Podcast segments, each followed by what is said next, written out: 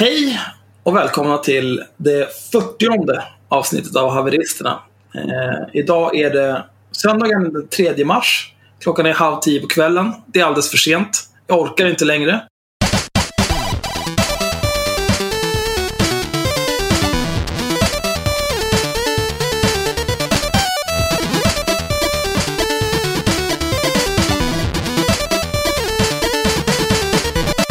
Och jag som inte orkar heter Axel, medan Myra heter Myra och Henrik heter Henrik. Vi har precis spelat in drygt 55 minuter extremt kvalitativt Patreon-exklusivt material. Eh, som till viss del knyter an till det vi kommer att prata om idag, men inte jättemycket. Så att eh, du missar inte jättemycket om du inte är Patreon. Men så där kan du inte säga. Det här är ju anledningen till att vi får in mindre pengar än Katarina Janouch, att du håller på så här.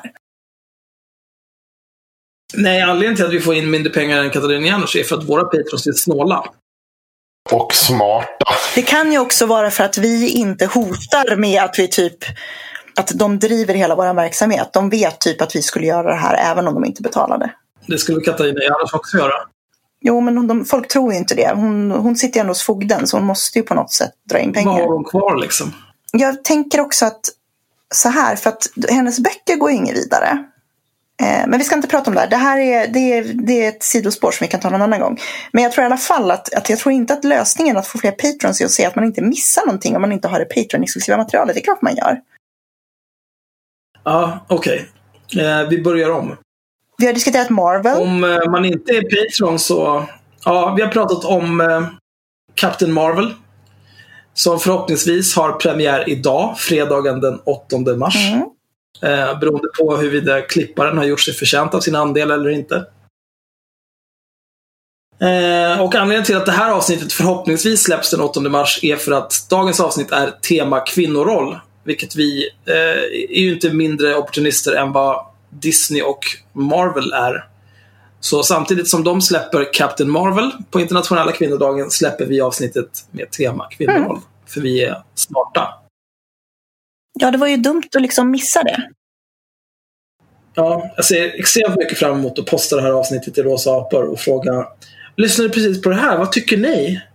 Ja, men jag tror faktiskt att ehm, jag menar, jag har ju mycket ont att säga om Rosa apor. Inte så mycket numera, men eftersom jag har varit bannad så länge så får jag bara skärmdumpa på det absolut dummaste som försiggår där. Mm. Men jag måste ändå säga att jag upplever ändå att det har blivit lite högre i tak där igen. Alltså att det har blivit lite mer så att man har lite eh, förståelse för att människor som kommer dit är ganska nya på det här med feminism. Och det är ju både cancer och ganska bra. Eh, beroende på kontext och så vidare. Ja, det är ju, det är ju väldigt cancerogent när det är liksom någon postar någon jävla boomer-meme Mm. Och frågar vad ska jag tycka om det här eller vad kan jag, vad kan jag svara med? Ja, Men samtidigt är ju det lite grann syftet med gruppen som jag förstår. Att nu, du kanske inte kan så mycket om det här så att du får provprata lite. Ja, men, och det är ju bra. Det behövs ju. Och framförallt därför så är jag ju glad att det har blivit lite högre i tak. För att när du hade liksom ett gäng med jävligt woke feminister som bara mobbade ihjäl precis alla som inte hade liksom koll på de senaste buzzwordsen och allt vad det kunde ha varit. Så fyllde det ju inte den funktionen överhuvudtaget. Var det, inte, var det inte Rosa aporna där den här tjejen skulle eh, göra ett powerpoint-spel om feminist för sin kille? Det kan ha varit. Ja, Det var det, tog slut med. Ja, det var gulligt. Men vi ska inte prata om det nu, för att det vi ska prata om är ju, eh, ja, eller ja, vi kanske ska prata om det lite senare, men i och med att det här är internationella kvinnodagen så har vi tänkt att prata om kvinnorollen Mm. och eh, några av de problem som möter dagens kvinnor enligt eh, min åsikt och kanske enligt er åsikt. Men Jag har ju skrivit en lista. först och främst så vill jag bara göra en prediction. Om ni lyssnar på det här på eftermiddagen så kommer ni ha ett fullspammat flöde på internationella kvinnodagen som går ut på att män inte ska gratta kvinnor på internationella kvinnodagen. Ni behöver inte nödvändigtvis ha sett en enda man gör detta. Men ni kommer få det här i ert flöde. Och det är typ det jag har stört med de senaste tre åren på. att Jag ser ingen gör det. Nej, men det är för att du har ett ganska woke flöde. Jag jag, jag, flöde. Ja, men jag, undersökte näst, jag undersökte det här. Jag har ju noterat i de här eh, grupperna som, som jag hänger i, i på Facebook för att bara långsamt ruttna bort min hjärna med. Där kan jag tänka mig att det finns en hel del killar som gratulerar folk på internationella kvinnodagen. Men jag skulle aldrig vara vän med dem på Facebook för att Typ Blue Moon och Icewag och alla de där retard-grupperna. Ja, precis. Där tror jag att det förekommer. Eh, för att jag tror att det finns väldigt många som inte riktigt förstår det där. Men jag har ju ett flöde som består av människor som jag faktiskt har interagerat med. Alltså människor som inte är helt jävla dumma i huvudet. Så att där kommer det inte förekomma. Men jag håller med dig om att i de flödena som jag ser så är det väldigt mycket gratulera inte på internationella kvinnodagen. Nej, det finns ju ingenting att gratulera till. Eh, Ja, alltså man kan ju gratulera till att det har blivit bättre för kvinnor de senaste åren och fortsätter att bli bättre för kvinnor. nej, fan. Det- Det skulle jag fan aldrig... Nej, men, men det ska Nej. man inte göra kanske. Nej. Det ska man ju kanske inte syssla med. Nej, men samtidigt så tror jag, jag tror inte att det finns så mycket illvilja bakom gratulationerna, utan det är nog mer okunskap och liksom. Mm. Man tänker, det är någon slags födelsedag, tänker folk. Jag vet inte riktigt varför, men Ja, men det är som mors dag eller fars dag. ja. Lite så ja. Man får tårta och så. Och det är inte så konstigt egentligen. Nej, men det är väl bara att invänta kommersialiseringen av internationella kvinnodagen. Åh, jag har ju faktiskt eh, startat mig lite på det på senaste. Men vi ska försöka inte prata om det nu. Eller ja, det kanske kommer upp sen. Eh, när jag druckit lite mer vin. Men Fan vad mycket vi ska försöka inte prata om. mm, jag vet. Men det är mest för att vi har så mycket på listan här. Som jag vill prata om. Som jag tycker är viktigt. Ja, eh, jag vill för övrigt lägga till en sak på den listan. Mm. Eh, sexualiserat våld. Eller, sexu- eller sexualiserade hot om våld. Mm, just det. Mm. För jag vill jättegärna prata om eh, min fangirl på Instagram. Ja, och skillnaden i ja eh, när jag mottar någonting sånt och hur, eh, ja, om det skulle vara ombytta roller. Jag tänker att vi kommer att komma ner till, ehm, för min tanke nu som jag har lagt upp det här egentligen, att vi ska börja försöka börja med att konstatera någon sorts, vad är det som den typiska normen kräver från kvinnor eller förväntar sig från kvinnor. Sen ska vi prata om ett antal företeelser som jag tycker är relevanta för kvinnokampen i, i nådens år, eh, det klandervärda året 2019. Eh, sen så tänker jag att vi ska prata lite grann om, för att avsluta, prata om saker där kvinnor faktiskt är ganska sämst. Oj! Och där tänker jag också att vi kan få med kvinnliga privilegier som vi inte tänker på. För du, du har en, en klar poäng i det där. Jag skulle vilja ta upp en grej på det också. Eh, när det kommer till att vi kanske är lite bra på att tycka synd om oss själva när det faktiskt finns ett antal kvinnliga privilegier som vi borde prata mer om. Jaha. Mm. Ja, men då så. Eh, då har vi eh, inte rätt ut särskilt mycket, men eh, vi har pratat. Ja, ja. Men det är som vanligt. Ja, tiden Eh, har men- gått och det är bra. Ja, men det är bra. Men om vi skulle försöka konstatera någon sån här utifrån vår egen högst subjektiva bild av vad en kvinna förväntas vara. Vad är typiskt kvinnliga egenskaper enligt, eh, enligt dagens rådande norm? Tycker ni? Tycker jag? Jag tror... ehm, jag vet inte om det är dagens norm riktigt, men om man tittar historiskt så har ju kvinnans roll varit eh, någon typ av caretaker. Kvinnan Mm. tar hand om barnen, eh, kvinnan tar hand om hemmet, kvinnan tar hand om mannen när han kommer hem från jobbet efter att ha slitit i sitt anlete svett för att se till att Mm. det finns mat på bordet. Fast det är ju egentligen kvinnan som har handlat och lagat maten och det är hon som kommer diska också. Ja, man sköter liksom allt runtarbete. Man är inte liksom huvudpersonen i eh, filmen utan man är snarare producenten som ser till att det finns kaffe. Ja, man är, man är en personlig assistent som även föder barn. Mm.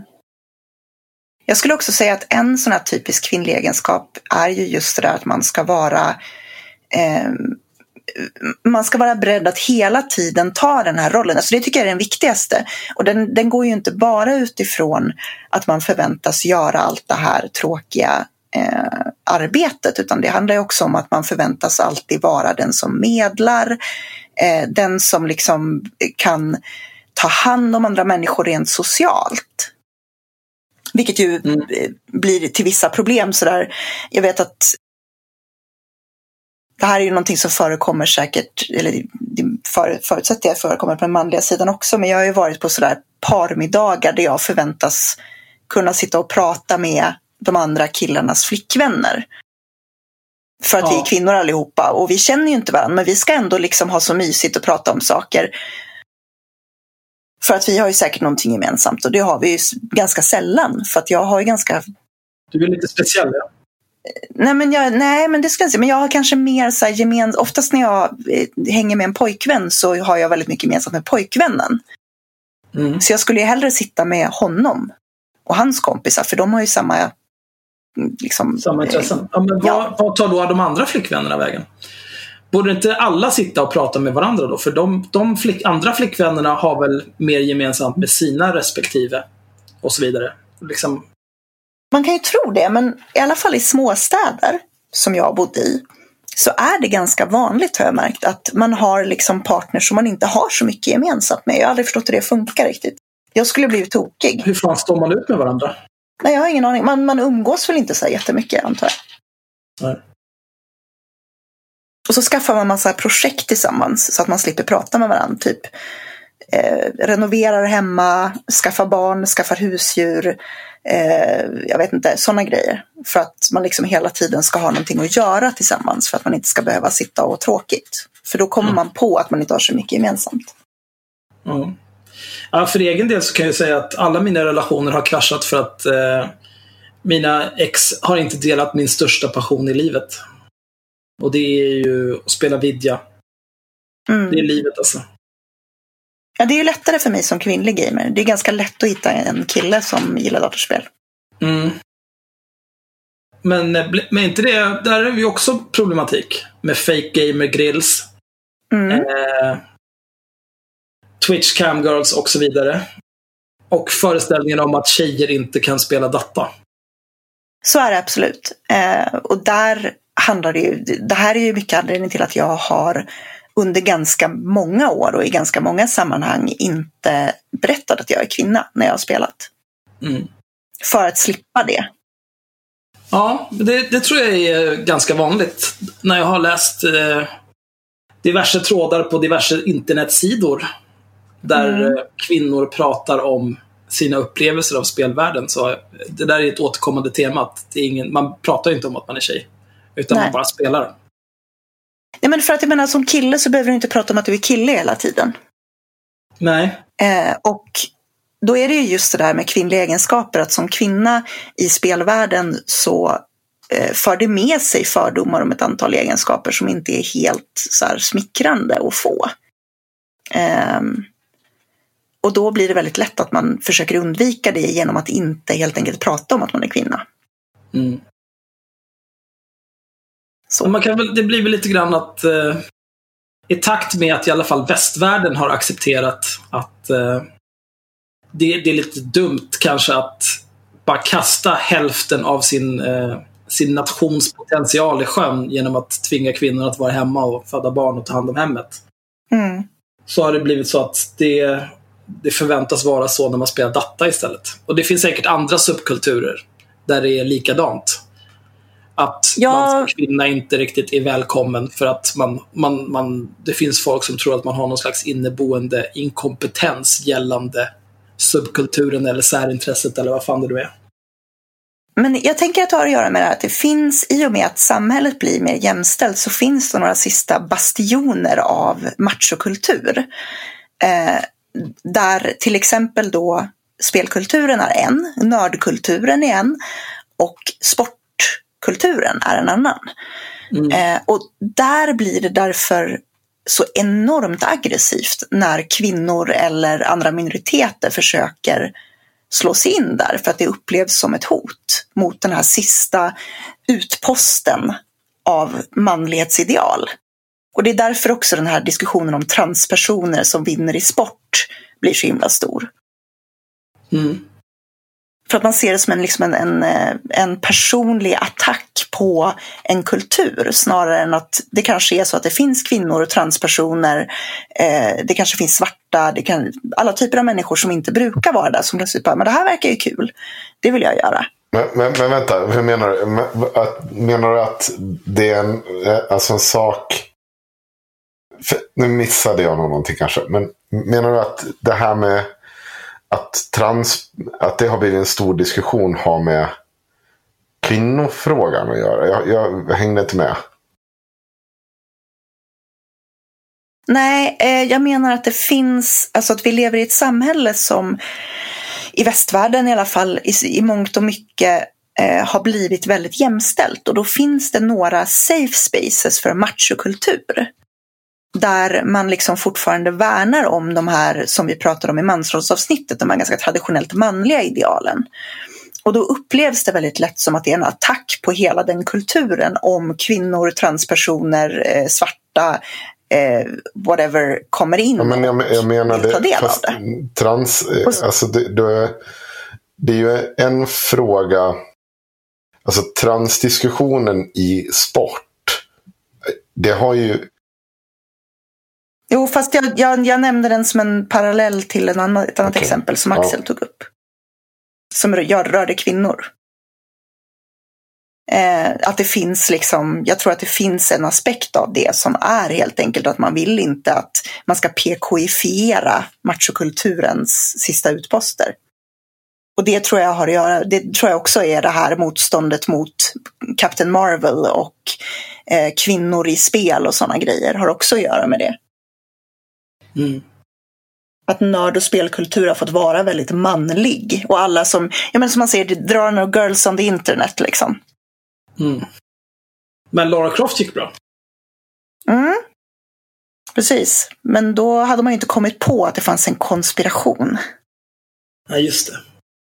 Glömde konspirationen. Ja, men då har vi klarat av och att definiera en typisk normativ kvinnlig egenskap. Har vi några fler?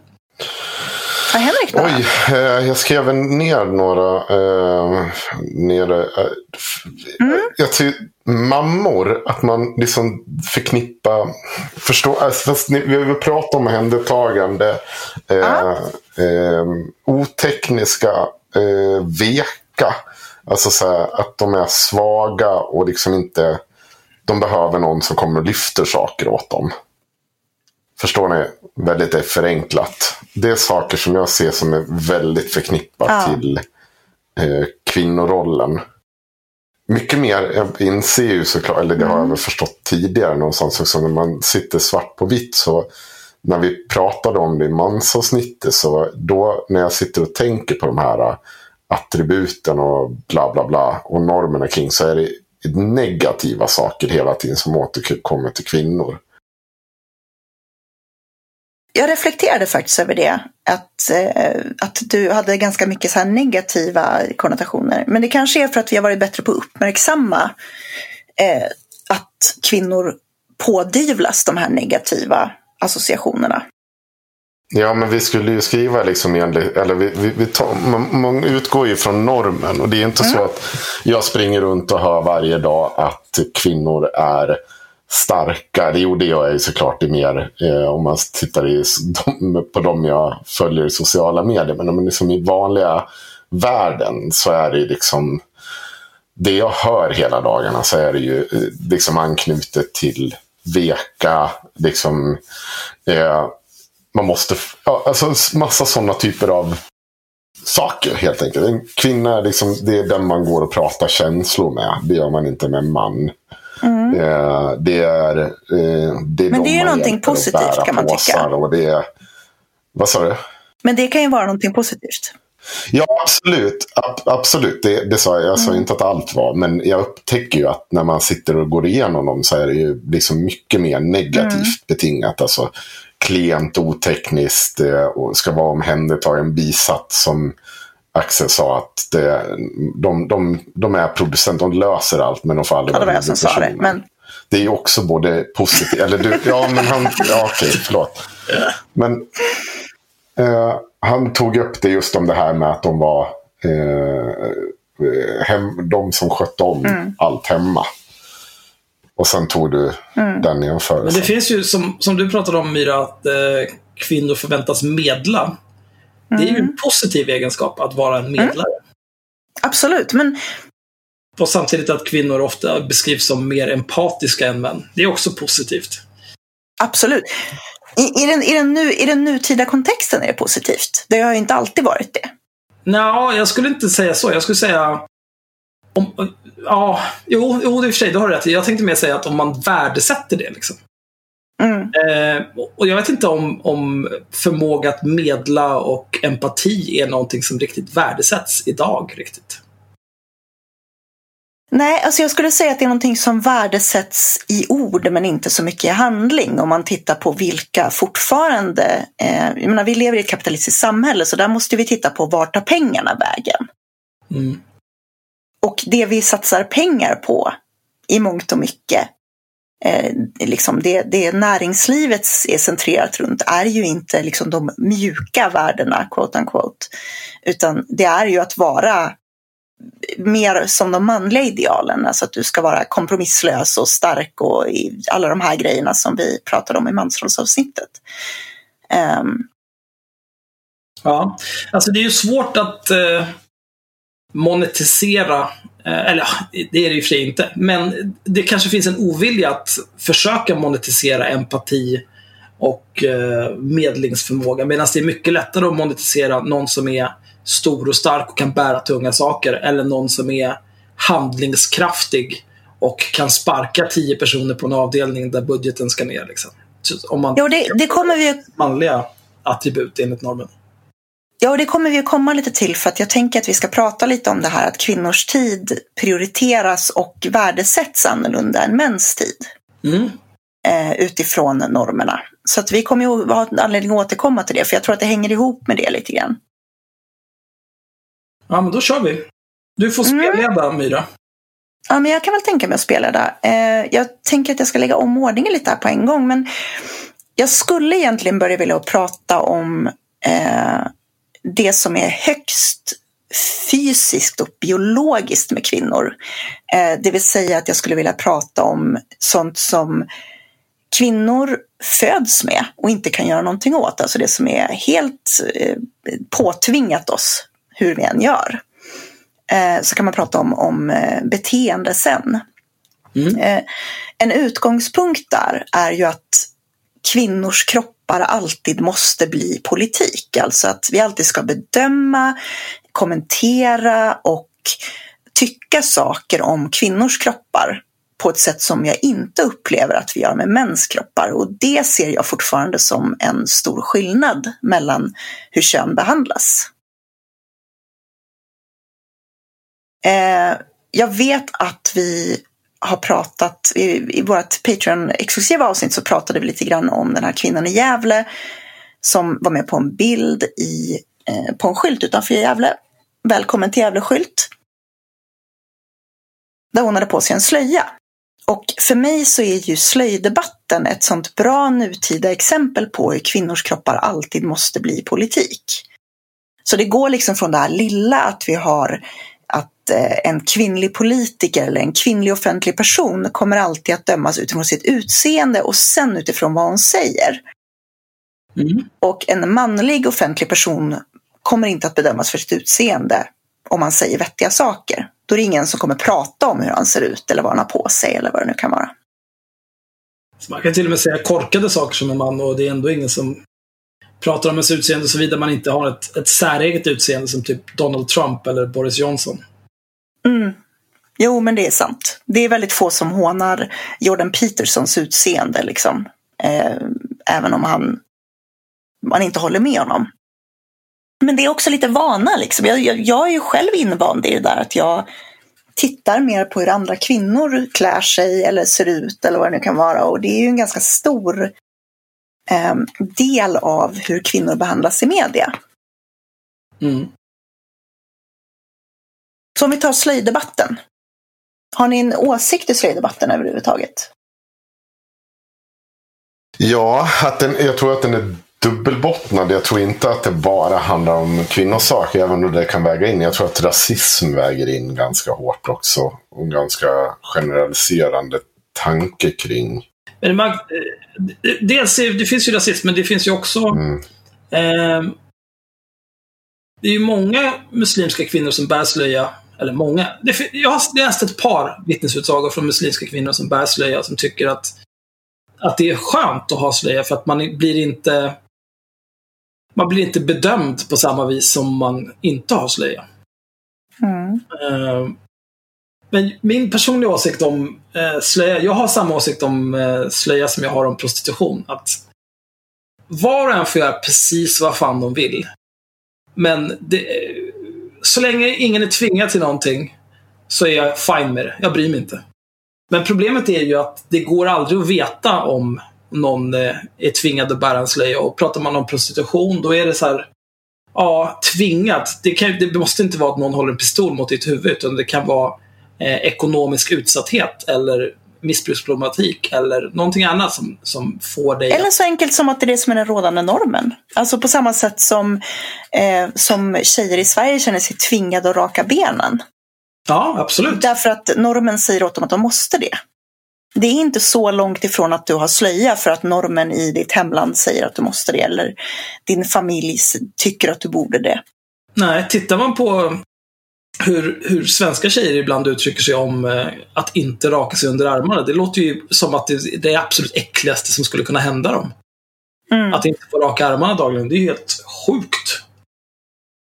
Jag slutade ju raka benen när jag var typ, um, vad kan jag ha varit, 16 kanske? Därför att jag insåg att jag, det tog så jävla mycket tid för så lite. Eh, alltså jag fick ju ingenting tillbaka.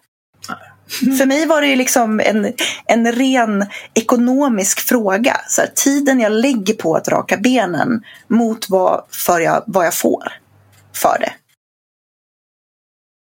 Det är liksom inte värt det. är, nej, men det är så fjantigt också. Vad, vad ska det vara bra för? Jag förstår, alltså jag dömer ju verkligen inte folk som, som känner att de vill göra det för att de tycker att det är fint och trevligt. Eller sådana som gör det för att de känner att jag vågar inte gå ut om jag inte rakar benen. Därför att jag menar, alla påverkas ju av de här normerna i, i viss utsträckning. Men för mig så var det så enkelt som att det var bara så jävla jobbigt att hålla på. Det är typ som att du inte, inte fixar ditt skägg, Axel. Du Nej, orkar det inte ens styla ditt, liksom trimma ditt skägg. Tänk dig då om du skulle raka dig över hela jävla kroppen. Nu är du typ hårlös som en bebis. Så att det är väl ingen... Härska-ras. Behöver inte hår över hela kroppen längre. Det Nej. är bara ni vita muterade apor som är helt håriga. Ja. Men det är för att vi ska klara istiden. Så. Ja, jag, eh, jag, ja. Nej, jag vet inte. Jag, jag rakar mig under armarna för att, på sommaren för att då svettas man mindre. Och svettas man mindre så luktar man mindre svett. Men gör inte det. Det här är bevisat. Nej, men du, du, nu förstör du för mig. Nu är det så här. Okej. Min polare har aldrig använt deo och han luktar aldrig svett. Nej, det handlar om att man måste tvätta sig. Shoutout Erik Dullbo. Det är bakterier som luktar. Så man måste tvätta sig regelbundet. Det är det som är hemligheten. Man, det blir också luftigare i armhålorna om du har hår där. Så då svettas du mindre. Nej, det tror jag inte. Jag har gjort empiriska tester på det här. Nu, det, här, det här är killgissning på hög nivå. Nu sitter vi och bara drar Ja, saker har ur röven. Nej, det här har jag läst. Men varför tror du att håret är där? Det är ju för att det inte ska bli liksom hud mot hud. För hud mot hud är. Ja, skitsamma. Det här är Ja. jätte, jättestort sidospår. Men Jag har utgått att det är för att det ska vara som någon typ av filt och hållas varmt. För att det är så mycket blodkärl som går där, precis som i eh, skrevet. Då ska Mm, det liksom hållas så. varmt så att man inte tappar kroppsvärme. vi får lägga ut den här frågan till... Eh... Framförallt så kan det ju vara lättare att hålla rent om du rakar. Så att det kan ju kännas renare oavsett. Men, eh... men, men det är det där jag menar med att kvinnors kroppar blir politik. Alltså att det finns väldigt få saker en man, alltså hade en man kommit med väldigt vildvuxet skägg till Oscarsgalan så hade folk, det hade kommenterats. Men det hade inte blivit en politisk debatt som det blev på samma sätt när, som när Julia Roberts inte hade rakat sig under armarna. Eller för all del den kvinna eh, i Sverige på Eurovision Song, eller på Melodifestivalen var det som eh, visades på en bild när hon inte hade rakat sig under armarna för ungefär fem år sedan. Alltså att det blir liksom en stor politiskt laddad grej. För att det är en kvinna som inte följer utseendenormerna och det är samma sak med slöjan som jag ser att visst, det är en mångfacetterad fråga men det finns absolut en aspekt av att det här är en kvinna som inte klär sig eller eh, groomar sig på det sätt vi förväntar oss. Mm. Nej men en man, det är ju som uh, Joaquin Phoenix gjorde ju någon grej. När han skulle låtsas att han uh, han gav upp sin skådespelarkarriär och skulle bli rappare istället. Då växte han ut ett stort skägg. Betedde sig som en total jävla apa i alla intervjuer. Men alla mm. spelade ju bara med, trots att han mm. betedde sig snudd på sinnessjukt. Jo, men för det är lite roligt liksom. Jag var tvungen att live-googla hår under mm. armarna. Det har absolut ingen som helst uh, betydelse om du har hår eller inte. Nej, det där är Nej. bara snack. Mm. Eh, medicinsk ansvarig på ansvarig läkare för svettmottagningen på Sofiahemmet. Svettmottagningen? Ja, ja det, det här låter, jag inser, det här är visserligen på Sveriges Radio, men jag funderar på om någon driver med dem. det, ja, men det är någon vänsterextremist, det är någon miljöpartist där ja. som... Ja. Ja, men då, då hade vi båda fel, det är bra. Det är jämlikt och fint utfall. Så det kan jag leva med. Eh, men... Så, va? Jag sa ingenting om det. Vi båda sa jag. Nu hade vi alla fel Henrik. Ja. Nu är vi överens om det. Okej. Ja, okay. Jag tror att det kan, vara, kan vara lite kul att anledningen att det överhuvudtaget kom upp. Det var, kommer ni ihåg den här tjejen som de hade visat upp i eh, SVT på Melodifestivalen? Som ja, jag nämnde. Jag nämnde precis henne. Ja, det, det är just på grund av henne mm. det vart en stor diskussion. Så då var de tvungna att gå ut och diskutera då. då om det här var bra eller dåligt. Jag satt precis och pratade om henne som ett, ja, jag satt precis och nämnde henne som ett exempel på att det alltid blir en politisk diskussion. Och sen så drog Axel då ett exempel på att en man kan göra en sån där grej. Och då tycker folk att han är lite crazy och rolig och så spelar man bara med. Mm. Hur fan står det till med koncentrationen idag, Henrik? Ja, nej men jag bara säger att det var lustigt att jag snubblade in på det. Mm. När jag skulle läsa och är, diskuterades. Det här kan vi ju konstatera att män är ju inte lika bra på simultankapacitet. Och Henrik satt och live-googlade så han lyssnade inte så mycket. Jag är otroligt Det är en fördom också. Simultankapacitet. Otroligt bra. Fast jag försökte ju knyta an till det ni sa. Är ni fulla i hela huvudet? ja, nu går vi raskt vidare absolut, det är ju så att det ska politiseras och eh, slöjdebatten tycker jag är ett, alltså ett bra exempel på det. Om man skulle jämföra med, hade det här handlat om män som har talibanskägg som Hanif Bali. Jag skulle hellre vilja se att, tänk om debatten rasade lika mycket om huruvida Hanif Bali verkligen får ha ett talibanskägg eller inte. Mm.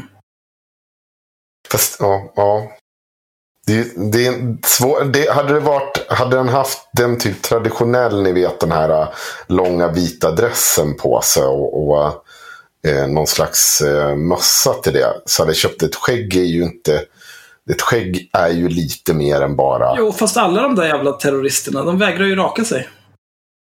Ja. Nej, men jag, jag, det är klart att jag köper det du säger, att den är mångfacetterad. För att här finns det ju någonstans en kritik mot en religion som, har varit, som är kvinnoförtryckande, en kultur som är kvinnoförtryckande och så vidare. Eh, men eh, om man skulle hårdra det så skulle jag gärna se den här typen av politisering av eh, manliga attribut på samma sätt. Där man börjar läsa in en massa åsikter i ett utseende. Mm. Mm. Men det är ju det är ju inte unikt för kvinnor att man gör antaganden om någon baserat på hur de ser ut. Fast det kanske Nej. drabbar kvinnor värre. Eh, det drabbar, det drabbar garanterat kvinnor värre än det drabbar ja. vita heterosexuella män. Och kanske även vita homosexuella män förutsatt att de inte har en prideflagga tatuerad i pannan eller något. Ja, ja, ja, precis. Kan man passera som, som vit man eh, som förhåller sig till normerna så klarar man sig ganska långt. Men jo, jag tror absolut att det finns en... en eh, tänk på Amanda Lind med sina dreads. Mm. Där kan man ju ifrågasätta sig hur mycket jämförelsevis det har skrivits om eh, andra manliga politikers olika konstiga hårval. Ja, Det var i och för sig, Anders Borg hade ju sin lilla, Lilla hästsvansen. lilla hästsvansen ja. Mm. Men det var inte... Jag kommer inte ihåg, hur fan var det? Var det inte ganska positivt de skrev om det? Jo, jag tror att det var... Alltså, det ses ju ofta som ganska positivt när män går utanför normen. Eh, just för att man förväntar sig det från män på ett annat sätt. Ja, då är det mer han är någon typ av maverick och en trendsättare. Ja, det beror, beror inte det lite på också vilken del av livet det är. Det, det är inte jättepositivt att kliva utanför normen när du är nio år och gå på domarhögskolan. Nej. Eller gå i nian på domarhögskolan menar jag. Har du, domarhögskolan, är det någonting du har egen erfarenhet av? Det var där jag gick. Mm. Ja. Jag känner att det ligger ett trauma här, men det, det får vara nästa nästa kanske. Ja, men nu är ju du kvinna och du kan ju hantera känslor bra. Så jag tänker att vi kan göra det här om mig och så får du... Så ska jag lyssna Nu på handlar det här avsnittet om ja. mig från och med nu. Ja, ja men det är ju det är precis som vanligt liksom i, i, i världen. Nej, men, Mm. ehm, just det här med kvinnors kroppar som blir politik. Eh, det finns slöjdebatten. Jag sa det när vi satt och planerade det här att jag skulle vilja ta upp eh, hederskultur. Eh, för att jag inser att det absolut är ett hot mot inte bara kvinnor utan också homosexuella, transsexuella och så vidare. Eh, men jag har helt enkelt så dålig koll på det så att jag har svårt att säga någonting om det annat än att jag tycker att oavsett om du kommer från Iran eller Sverige eh, eller Dalarna som knappt är Sverige och så vill du liksom tvinga på kvinnor någon sorts reaktionär eh, hederskultur, då tycker jag att du kan dra åt helvete. Ja, men det- alltså, den, den, den rimliga personens åsikt är väl att man ska inte tvinga andra människor att göra saker. Och Nej. tar man det ett steg längre så, så kanske man kommer till att eh, alla borde ha de förutsättningarna för att kunna göra vad de vill utan att tvingas till att göra någonting på grund av eh, någon typ av eh, primärbehov som behöver uppfyllas. Som typ, Ja, jag har inte råd att köpa mat, men jag måste, då måste jag gå med på det här dumma. Och sen var det Precis. dumma är spelar inte så jävla stor roll. Ja, och det där blir en extra problematik när det kommer till invandrade familjer där hela det sociala skyddsnätet faktiskt är beroende av att du förhåller dig till den här kulturen. Mm. Ehm, därför att jag som infödd svensk kan säga fuck you till mina föräldrar, till hela mitt sociala sammanhang, hela min släkt och ändå gå iväg och klara mig ganska bra. Medan om du inte kan språket, du kan inte landet och så vidare så blir du ju enormt mycket mer utsatt och därför blir ju hederskultur lite värre. Mm. För du kan inte bara se åt din familj och dra åt helvete. Särskilt inte om de kommer från en kultur där det ses som hedervärt att de skulle jaga ikapp dig och döda dig för att du säger emot dem. Ja, då blir det väldigt problematiskt. Mm. Men vi kan ju spara allt det där till eh, temaavsnitt hederskultur och så kanske vi kan ha någon typ av gäst som kan någonting om det. För jag känner att jag har så svårt att uttala mig om det mer än... Eh, och det, det här är ju mycket av kritiken som ställs mot svensk feminism från människor som inte bryr sig ett skit om feminism. Är ju att man bryr sig inte om hederskultur utan när man tar upp hederskultur så börjar man istället prata om eh, de liknande mönster som finns i svensk kultur. Men det är ju just för att jag är inte själv från en kultur där det här är vardag. Så för mig blir det väldigt konstigt att prata om det. Eh, på samma sätt som att jag inte skulle sätta mig här och prata om eh, hur man renoverar en bil. För att jag vet inte. Jag kan bara säga att det är dåligt om du tvingar kvinnor att göra saker de inte vill göra. Ja, Men det låter väl som en rimlig inställning. Ja. Problemet här blir liksom att då säger man det så är det så här, då, då försöker jag dra liksom någon sorts relation till saker som jag har upplevt. Som jag kan liksom träffa på i mitt vita svenska liv. Och då blir man anklagad för att vilja trivialisera problemet med hederskultur för att man jämför det med till exempel pappor som har en t-shirt där det står eh, Vill du dejta min dotter så kommer jag jaga dig med hagelgeväret. Mm. Men det handlar inte om det, utan det handlar ju om att jag försöker liksom sätta det i någon sorts termer som jag kan förstå. För det är exakt samma mönster. Ja, men det där är ju, det, det finns ju få människor som är såna jävla experter på hederskultur som Sverigevänner är.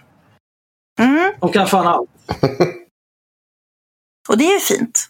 Mm. Jag önskar att de skulle använda det för att skapa det här trygghets, eh, det här skyddsnätet som du nämnde. Att man ska kunna se åt folk och dra åt helvete. Den intergalaktiska socialismen. Mm, precis. Kan du hjälpa till att skapa den, då kommer vi inte ha de här problemen längre. Liksom.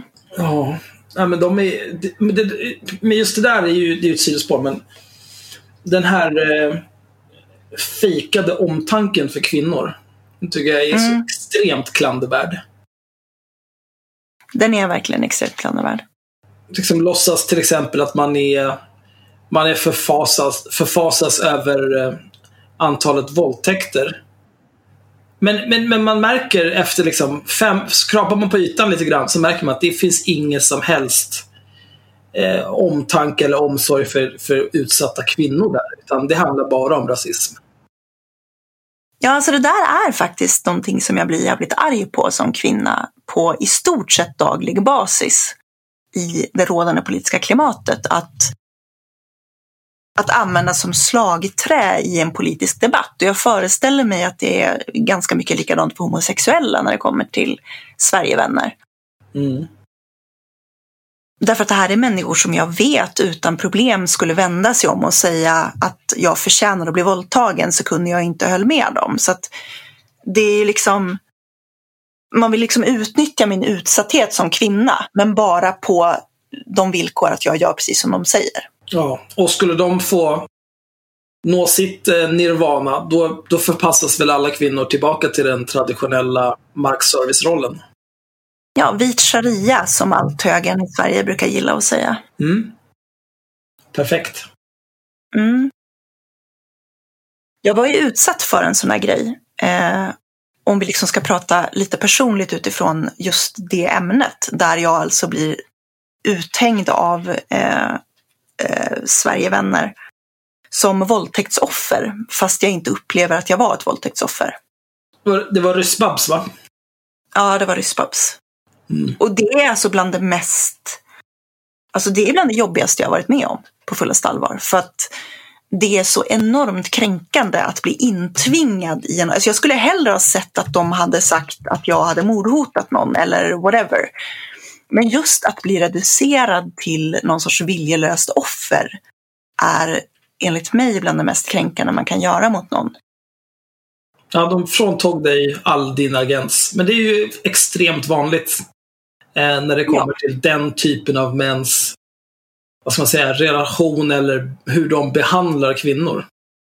Mm. Det, det är antingen bara eh, det- det är någon som ska göra allt som det är tråkigt och som inte har något behov av självförverkligande eller har några egna åsikter eller någon egen agenda eller någonting. Nej men de är bara verktyg liksom. Mm. Och det är väl en del i, i problematiken med kvinnosynen hos väldigt många av de här människorna. Ehm, jag har ju faktiskt en, en punkt på den här listan på saker jag vill prata om som är just nationalismens hot mot kvinnor. Eh, för att det är någonting som jag faktiskt har föreläst om dessutom. Jag ska inte gå in på det på djupet för att jag har typ en två timmars föreläsning i huvudet om det här. Men Den kanske kan finnas på Patreon om vi når 500 patrons. ja, ja, ja, vi kan ge den till de som donerar mycket så kan jag göra en inspelad version av den. Ja. Eh, jag, jag har använt den några gånger och föreläst om. Man kan också boka in mig för att göra den föreläsningen. Jag är ganska billig när det kommer till att föreläsa just om Oj. Nej, men när det kommer till att föreläsa om saker som rör eh, just eh, nationalism eh, så är jag villig att eh, kompromissa extremt mycket med pris faktiskt. För att jag tycker det är så jävla viktigt. Det är därför du aldrig Men- kommer bli miljonär. Nej, jag kommer inte bli det. Men jag kommer att känna mig nöjd med att jag har lyckats åstadkomma någonting bra i världen. Så att jag är nöjd ändå. Mm. Så länge jag kan betala hyran och snus. Jag ska begravas i en guldkista. Ja, men det är för att du är man och vi har olika syn på det där. Jag värderar det här, de här mjuka värdena. Ja. Ja, det, det, jag respekterar dig för det. Eller? Men nej, men eh, så att den här nationalismen i alla fall. Problemet där är ju att man reducerar kvinnor till barnafödare, du reducerar dem till omvårdare. och allting annat liksom inte viktigt. Och det betyder också att med nationalistisk politik så sätter man åt sidan enormt mycket av de här sakerna som syftar till att eh, på något sätt möjliggöra kvinnors frigörelse från de här eh, ganska snäva normerna som eh, mödrar och medlare och producenter. Eh, och det är väl det som liksom föreläsningen handlar om lite grann, att man kan se det här i nationalistiska länder, att där så börjar man plötsligt så skära ner på allting som har med jämställdhet att göra för att det är viktigare att kunna kriga mot islamister eller mot eh, vad det nu är som är det, det stora hotet.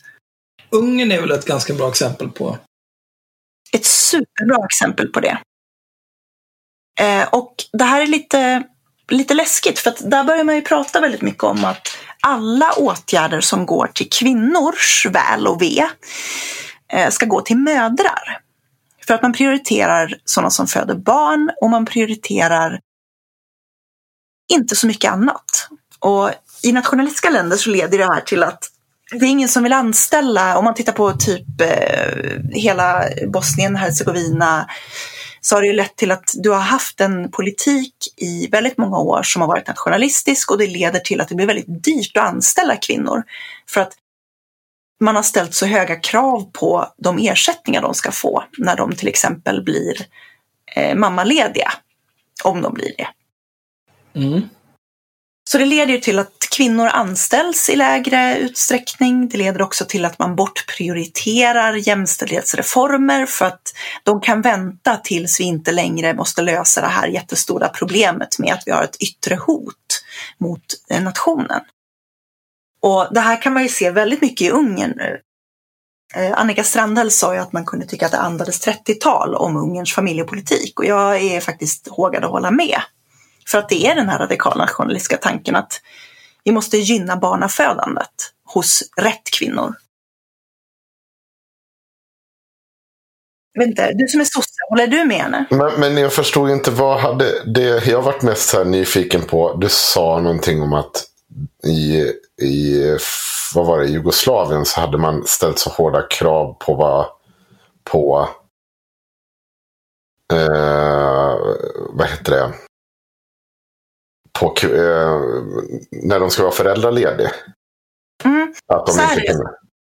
Ja, nej men så här, det finns en rapport av Kvinna till kvinna Mm. eh, och Expo som har tittat på hur kvinnors situation ser ut. Nej, förlåt, det är nog Expos rapport. Kvinna till kvinna är en annan som handlar om eh, aktivism. Det är Expos rapport. Men de har tittat på hur det ser ut i eh, de här länderna som har haft en, en strikt nationalistisk politik i väldigt många år.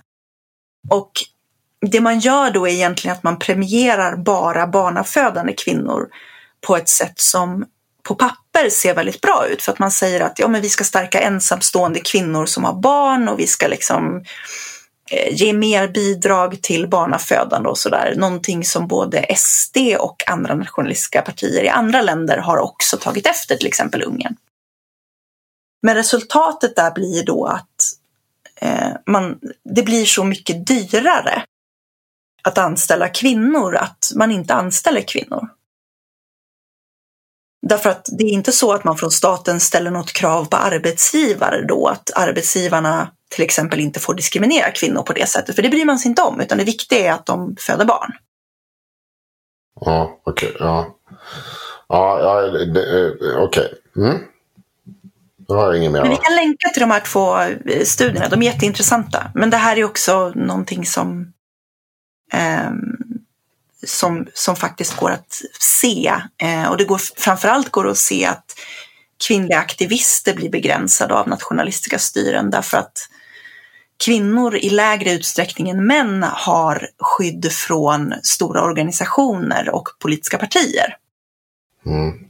Vilket gör att politiska aktivister som är kvinnor är ofta privatpersoner och de har inte samma rättsliga skydd. Och då utsätts de också för mycket större mängder hot och hat när de engagerar sig politiskt. Så att det finns liksom flera aspekter i den nationalistiska politiken som gynnar män och missgynnar kvinnor för att man premierar de här ganska reaktionära rollerna bland könen. Mm. Det har vi pratat om förut här. Längtan efter 50-talet som aldrig fanns. När alla var glada och Ja. mådde bra. Och det var därför jag blev så glad över den här artikeln på Feministiskt perspektiv som jag läste. Eh, familjefeminismen i vår samtid. Där de just konstaterar att allting som... Eh, jag vet inte om ni har hunnit titta på den, för jag gav er den ganska kort tid innan. Eh, men ingressen är alltså en gång i tiden var det feministiskt att påpeka att familjen utgör den främsta grunden för kvinnors förtryck, konstaterar historikern Sara Edenholm och problematiserar en feminism som smidigt eh, ensidigt förlåt, fokuserar på kvinnors rättigheter i familjen medan andra delar av välfärdssamhället monteras ner.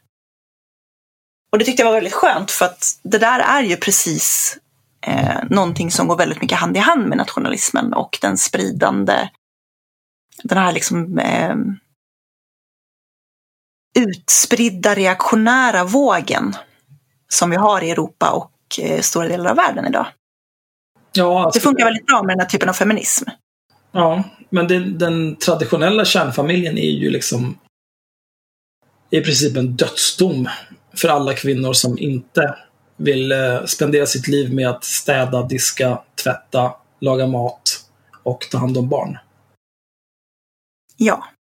Eh, och det är ju för att vi har liksom inte jobbat tillräckligt mycket med att göra kärnfamiljen bättre för kvinnor. Eh, och kanske också, det här beror ju på hur mycket biologist man är, hur mycket man ser på att det att kvinnor har en mer biologisk anknytning till barnen och så vidare. Jag tror ju ganska mycket att det där är bullshit. Det här måste det finnas studier på. Det gör det, men det är jättesvårt att bedöma. Det är därför du har olika läger i den här frågan. Du har särarts och eh, alltså likhetsfeminister. Som tror att antingen så tror man att man styrs av sin biologi eller så gör man inte det. Nej. Nej, det är klart. Det ska ju inte vara enkelt. Nej. Typ inte. Ja, jag... jag Ja, det, alltså, det är svårt för mig att, att prata om sådana saker, för jag tycker låt folk göra precis vad fan de vill. Men problemet med folk är att de gör ju fel. det är så svårt. Ja. Hur då, hur då? Gör de fel i den här frågan, tänker du? Ehm, nej men varför skulle man vilja ha det så? Jag, jag har så svårt att se den... Säg till exempel att jag inte hade gett upp livet och blivit våldsel och bestämt mig för att jag ska bara spela data och fakturera resten av livet. Mm. Om jag var intresserad av att ha någon typ av familjeliv, då, då vill jag inte liksom ha någon typ av betjänt som bara gör alla saker, utan man vill, väl, man vill väl leva sitt liv tillsammans med någon typ av jämlike, där man har liknande intressen, där man gör saker tillsammans för att eh, växa både som individ och som familj eller par, eller hur man nu vill se det. Jag har, jag har så svårt att se de här människorna som tjatar om den här jävla kärnfamiljen 24-7.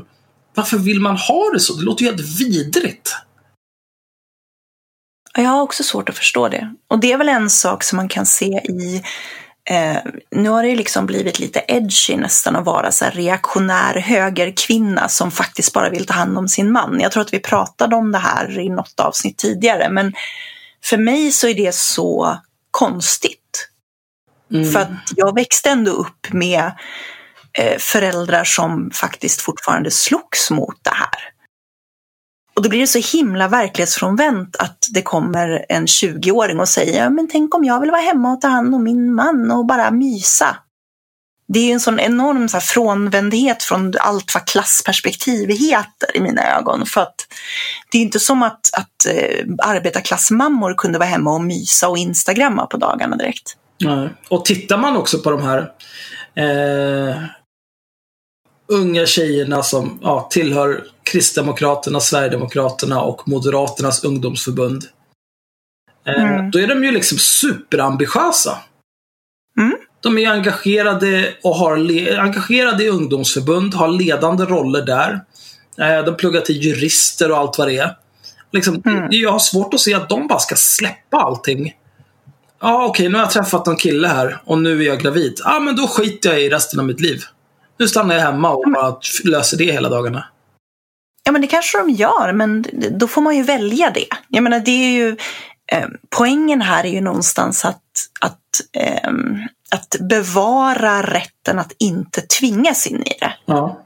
Jag menar om du är en person som är sjukt bra på att ta hand om barn oavsett vilket kön du har och din partner är sjukt bra på, och, med, på hjärnkirurgi då är det ju ganska logiskt att du kanske lägger mer tid på att ta hand om barnen och din partner lägger mer tid på hjärnkirurgi för att det, det gynnar egentligen både er och samhället mer.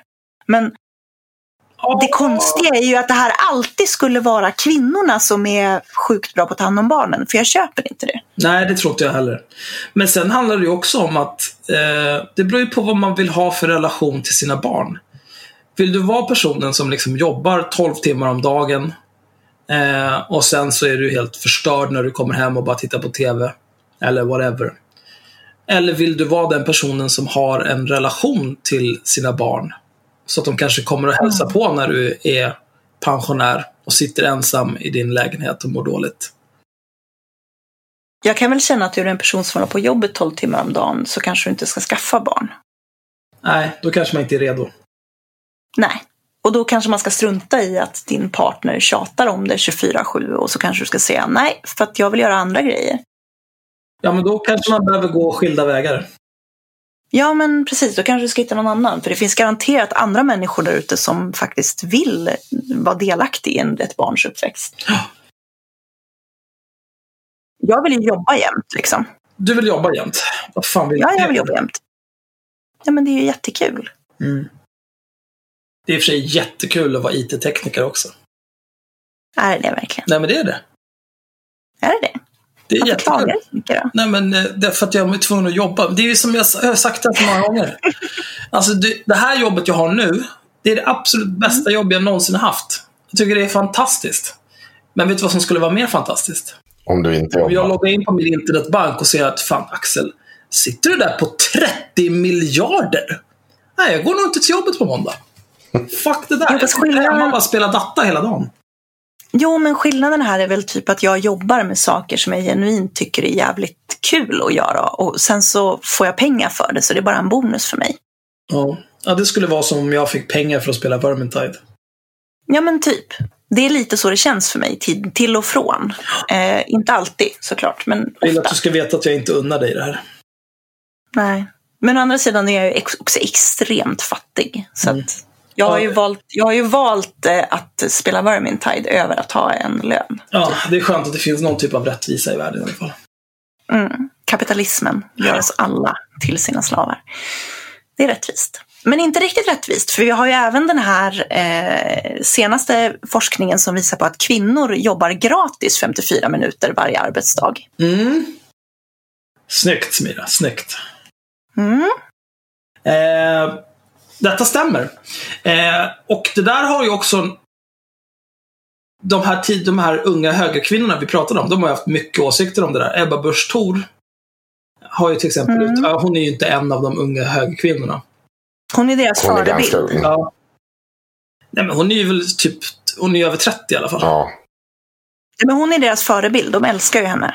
Mm. Alltså jag får säga att hon är ung. För att jag är väl i alla fall en 7-8 år äldre än henne. Men du, Henrik, jag vet inte fan alltså. Henrik är väl, Henrik är väl 40 plus, eller? Mm, nej, det är jag som är 40 plus i den här podden. Mm. Ah, okej. Ja. Mm. Nej, men eh, Ebba Busch Thor är ju de här högerkvinnor, unga högerkvinnornas förebild. Nej, och det är, är väl fine. Men Ebba Busch Thor är också sanslöst jävla dum. Ja, ja, jag skriver under på det här. Mm. Nej, men det är för hon säger ju så saker som Ja, om du jobbar som undersköterska så får du en tråkig pension. Gör du andra val i livet, då kanske du inte får en dålig. Men din dumma jävel! Vadå gör andra val? Det, dels så, så här, alla har inte möjlighet att göra alla val. Nej. Och det är ju dels eh, en klassfråga, men det är också en, eh, en fråga om, om kön. Mm. För liksom, det, det är inte länge sedan eh, kvinnor förnekades eh, tillgång till högre utbildning eller utbildning överhuvudtaget i det här jävla landet. Nej. Och sen så stöter man ju säkert som kvinna på en massa härliga problem när man väl kommer in i yrkeslivet i mansdominerade yrken. Absolut. Och också eh, om alla undersköterskor säger upp sig imorgon, går någon eh, yrkesutbildning för att bli, inte fan vet jag, Appprogrammerare. sociala mediestrateger strateger eller något annat helt jävla värdelöst men som säkert betalas svinbra. Vem ska utföra jobbet som de gör? Mm. Mm. Jag, eh, Sen så ser jag hellre, jag menar vi har ju, jag, jag undrar lite hur det kommer se ut. Jag tänker på den här växande populationen av incels, som inte är incels, men nu tänker jag alla de här o, oanställningsbara unga männen som inte får ett jobb för att de inte utbildar sig. mm. De kommer ju vara nästa generations fattigpensionärer, eller om ett par generationer. Jag, jag tror, eh, eftersom eh, män är mer utåtagerande och eh, dumma i huvudet, så tror jag att de männen de kommer ta bort sig själva från samhället genom att antingen Mm. supa eller knarka ihjäl sig, eller eh, hamna i någon typ av eh, yrkeskriminalitet. Men inte incels, de törs inte det. Jo, men det blir väl typ som så här, de handlar med barnporr på Darknet eller någonting. Och sen så en dag så kommer FBI och bara, ja, då får du följa med här. Då får du sitta i det här mörka rummet resten av ditt liv. Ha det bra. Man kan ju önska. Mm. Nej, men jag tänker att mycket av den här, ehm, för att när man pratar om, om löneskillnader mellan män och kvinnor, då kommer ju precis det argumentet upp som du säger, att ja, men det är för att man gör andra val. Ehm, till exempel så kan man se att kvinnor i större utsträckning tar ut vabbetid, man är hemma mer med barnen. eh, Och har barn. föräldraledighet. Mm. Eh, och då kan man ju fråga sig, på samma sätt som man tydligen kan ifrågasätta slöjan, så kan man ju också säga, är det här val eller är det så att du blir påtvingad det här av din kultur? Ja, det är väl... Jag, jag killgissar att det är kultur. Och jag har Eh. samma killgissning. Jag tror att det är precis, alltså jag tror att det finns både, båda delarna, eh, alltså ryms i det här. Det handlar om båda delarna. Alltså det är klart att vissa val gör du i ditt liv, men sannolikheten är att utfallet kommer se ut si och så här är större för det ena valet. Förstår ni vad jag menar? Mm. Mm. Ja. Jag har en eh, anekdot. Vad skönt. Eh, en gång var jag på Tinder-date med en tjej. Ja. Mm. Var det hon du snodde datorn av, eller mobilen av? Fan, du är obehaglig. Nej. Tinder-dejt, alltså. Det är så sjukt. Nej, historien är inte jag. Det var inte en Tinder-date. Det var, eh, det var hon som snodde min dator. Ja. Jaha, det, men den har jag hört. Mm. Ja. Eh, men jag, det här var en annan eh, dejt. Mm.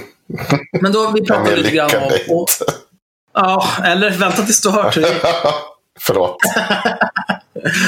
Eh, men då, vi pratade om... mm, eh, ah, vad ska man säga? Vi, vi pratade om feminism, kan man väl anta. Ja. Eh, och då menade hon att eh, om vi inte lagstiftar om 50-50 föräldraledighet nu så kommer det ta 100 år innan män och kvinnor är jämlika. Eh, och jag är ju... Eh, eh, det, det är ju inte någonting som rör mig överhuvudtaget för att jag planerar inte att skaffa några barn. Jag skiter i det egentligen. Men om, om, om jag skulle tillämpa någon typ av tankeförmåga på det, då skulle jag nog hellre se att man inte delar en 50-50. För det må, jag tycker att det bör finnas en lite flexibilitet. Oh, där är vi oense, vad kul. Mm. jag så jag föreslog ja, men 40-40 och sen 20% att göra vad fan de vill med. Och det gick inte och så blev det kalabalik och så hördes vi aldrig mer. Eh, Det, det tycker jag är lite snäv nivå för, för om det ska liksom höras i fortsättningen. Att man nej, men det tycker Ja, jag. kommer inte får jag- överens om Får föräldraförsäkring. jag, får, jag, får, jag, får jag lägga fram mitt case? Ja. Så kan du säga om du skulle ha swipat höger på mig eller inte efter det. Mm. Mitt case för det är så här. Jag skulle vilja dela på det 50-50 därför att det är inte en eh, rättighet att få skaffa barn. Eh, du har inte, alltså så här, du- utifrån dina skattepengar som du betalar in så har du från statens håll eh, en rättighet att få en viss kvot av dina behov uppfyllda. I det här fallet så har vi till exempel sjukvård, vi har så här, det du behöver i ditt liv för att fungera. Där har vi också räknat in föräldraförsäkringen som någon sorts rättighet hos eh, de som ja, de, som, de som ska skaffa barn och behöver en typ av ersättning för att kunna ta hand om barnen. Mm. Men du har inte mer eller mindre rättighet att ta ut det här för att du är man eller kvinna, utan staten ska dela ut exakt lika mycket till dig oavsett om du är man eller kvinna. För staten ska inte göra skillnad på det där och säga att ja, men liksom mannen får mindre eller mer, så därför är det logiskt att ta 50 procent. Dessutom är det logiskt att inte låta föräldrarna fördela det själva därför att du kan säga att du gör inte det med någonting annat du får från staten. Det är inte så att staten eh, ger dig ett barnbidrag eh, eller säger ett bostadsbidrag och säger ja men eh, det här kan du få, du, du får välja hur du vill använda det här om du vill ge det till någon annan. Visst, det kan du göra, men det är du som får utbetalat. Mm. Och det är samma sak här. Det jag däremot skulle vilja göra är att jag skulle vilja sätta 50-50 på män och kvinnor, men jag skulle vilja eh, göra så att ersättningen var baserad på medelinkomsten i hushållet. Ja, det håller jag helt med om. Mm. För då har, du inte längre, då har du inte längre ursäkten att mannen tjänar mer så han kan inte vara hemma lika mycket. Nej. Den första delen i ditt argument har ju dock ingenting att göra med själva fördelningen. Det, du kan ju, det är fortfarande, du kan ju fortfarande ha en fördelning. Alltså den handlade ju om... Nej, det är vem som har rätt att Ja, ta men alltså rättighet, de har ju samma... Alltså de får ju, enligt Axios argument så får de ju 40, 40 och 20 att dela på. Och göra vad bäst fan de vill med. Så staten delar ju ut lika. Ja, men skillnaden är ju att i mitt, mitt exempel så har de ju 20 procent av föräldrapenningen att göra vad de Ja, vill med. men staten delar ju ut lika. Det var bara allt jag poängterade. Jo, men, men jag, det, jag kan hålla med Myra här för att det är liksom eh, Folk låtsas, folk är så jävla entitled i det här jävla landet. Mm. Eh, de, de tror liksom att allting är gratis och att allting är någon jävla rättighet. Det är inte det. Tittar man på till exempel alla pengar som staten betalar ut. Det är ju givetvis villkorat. Du får inte pengar hur som exakt. helst. Utan vi har ju regelbundna val för att vi lever i typ en demokrati. Och beroende på vilka som vinner valet så bestämmer de hur saker och ting ska se ut. Om man då villkorar att okej, du får föräldrapeng om du får ett barn. Men det ska vara 50-50. Ni får hälften var. Då är det ingenting att snacka om. Då är det bestämt och klart. Ja, men för Du kan- jämställer, då jämställer du föräldrarna. Så säger du att vi skiter i om du är man, kvinna, icke-binär, whatever. Du får, du får bara hemma halva tiden och den andra föräldern får andra halva tiden. Ja, men problemet jag har med, det, med just det är eh, att, att jag tycker att man, man kan unna folk lite flexibilitet. Men samtidigt så tycker jag att, nej, men samtidigt så tycker jag också att eh, föräldrapengen borde baseras på medelinkomsten i hushållet. Ja. För att då spelar det ingen roll. Då, kan, då får folk fatta själva att 50-50 är väl det rimligaste. Men vill de inte det så, ja ja. Ja, men det är det jag tänker, att, att dela det 50-50 om du har en medelinkomst eh, som ersättning, då har det bara en normerande effekt, vilket innebär att män tvingas vara hemma med sina barn lite mer, vilket är bra för att barn behöver bättre kontakt med sina pappor har vi konstaterat. Och kvinnor kan inte hogga den här tiden, för det är också någonting jag har sett hos eh, straighta par Alltså vi behöver bara göra oss av med straighta par, de är de värsta. Men straighta par där liksom kvinnorna typ tycker sig ha rätt till föräldrapenningen för att hon har burit det här barnet och då ska hon minsann få vara hemma lite mer. Alltså man alltså utestänger pappan ur föräldraskapet. Men det är ju också en, ett resultat av eh, riktigt ruttna könsroller. Och kulturer. Ja, och därför så kan man också ha en normerande effekt på att man delar upp föräldrapenningen 50-50. För då säger man utifrån statens perspektiv att vi skiter i liksom, vem du är. Du får vara hemma halva tiden med ditt barn. Ja, men vi gör så här. Jag, jag går med på att vi kör 50-50. På villkor att eh, föräldrapengen räknas ut på medelinkomsten i hushållet. Men där tror jag att vi är överens. Ja, Men ja. grundproblemet där, det där är ju bara ett plåster på symptomen. Grundproblemet är ju att eh, inte alla tjänar exakt lika mycket. Ja, och där Om- har vi ju då bland annat eh, det här med skillnaden i hur mycket man har tagit ledigt och så vidare. Mm. Men det är det som används som motargument om man börjar prata om löneinkomst, alltså löneskillnader. Så pratar man gärna om det här, ja men det beror bara på att kvinnor väljer att vara hemma mer. Visst, då missar man som vi har konstaterat hela kulturaspekten och normaspekten. Men jag tror inte heller att det är så enkelt, eh, utan det är också så att vi faktiskt enligt studier uppfattar män som mer kompetenta än kvinnor i ganska många sammanhang eh, som har med eh, näringsliv och arbete att göra. Ja. Jag, jag har ju bara haft kvinnliga chefer de senaste ja, fan, tusen jävla åren nu när jag tänker efter. Mm. Eh, jag hade ett kort tag en manlig chef. Det här blir extremt anekdotiskt. Eh, Mm. Jag hade ett kort tag en manlig chef och jag trivs mycket bättre med en kvinnlig chef. Jag tror att man har börjat inse det också, att vissa av de här kvinnliga könsrollsgrejerna, typ att vara en bra medlare, att vara bra på att producera och ha ett helikopterperspektiv på allting, det är rätt bra chefsegenskaper. Till skillnad från att vara pushig och liksom trycka för att vinna hela tiden. Mm. Eh, så att där tror jag man har börjat få en helt annan uppskattning för de här traditionellt kvinnliga egenskaperna Mm. i chefsrollen. Så det optimala skulle ju då vara en man som har de här egenskaperna. Så vi slipper ha en massa tjejer liksom.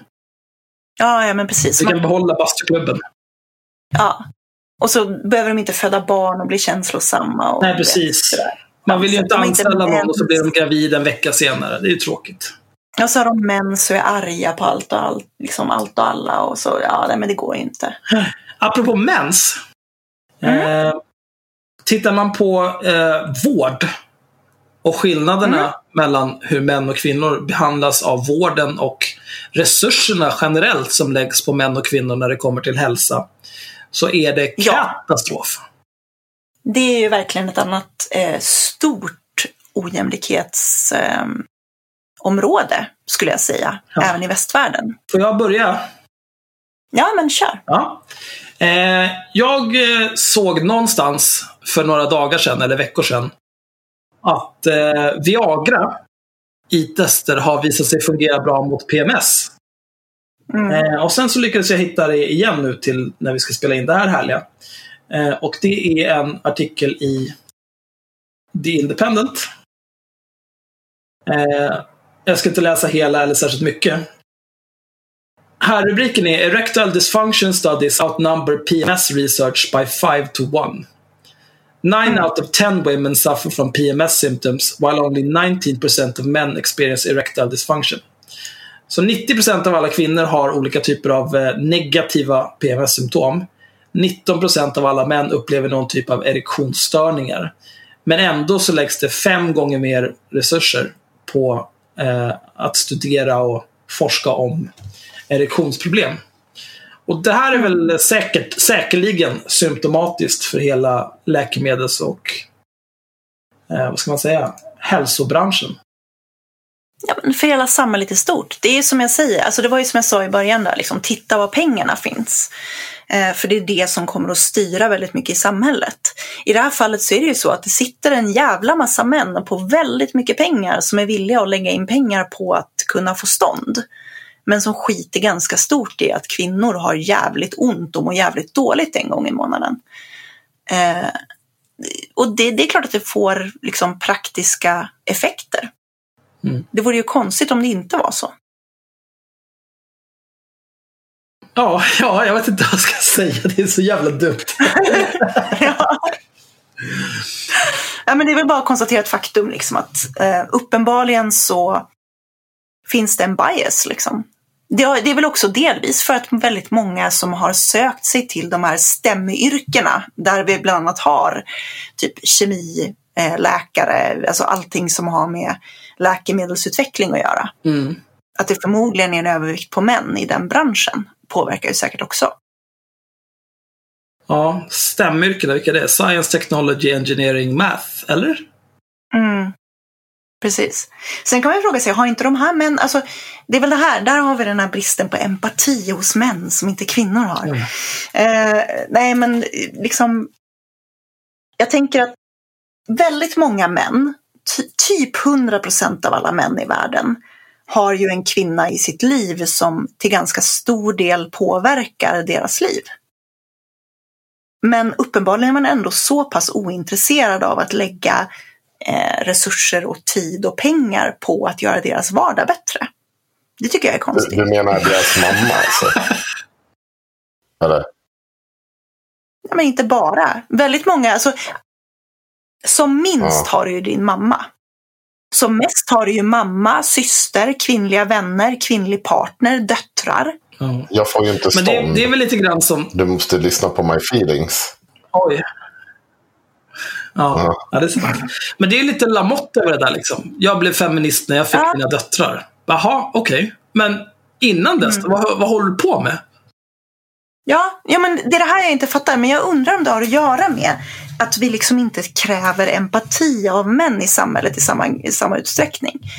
Vi kräver... Jag fick ju inte stånd. Vad är det som är så svårt att förstå? Känner Ja, men jag det- spontant. Nej. Skjut dig i huvudet och så blir vi av med dig. Liksom. Jag vet inte, det- kan du inte bidra till samhället om du inte får upp kuken? Då kanske vi inte behöver dig till att börja med.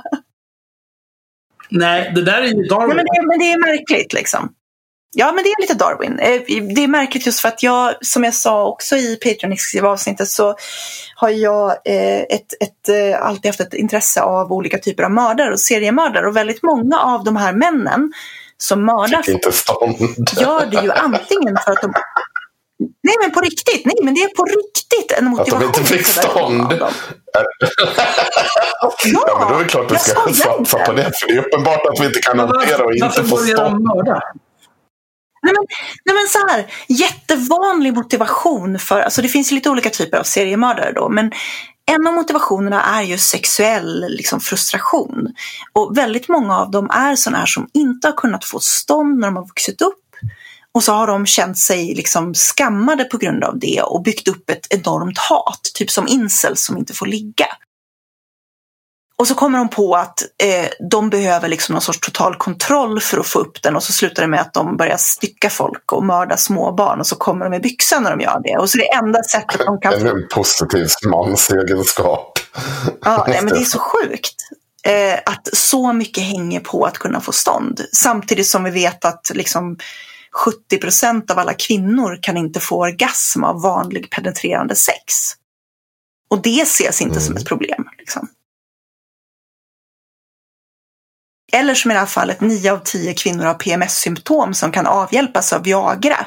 Men Nej, vi orkar inte forska på det. Mm, lite, lite, mår lite dåligt en gång i månaden, men alltså jag kan ju inte få stånd. Kom igen. Nej, det är ett problem alltså. Som vi måste ta tag i. Ja. Pomomangen.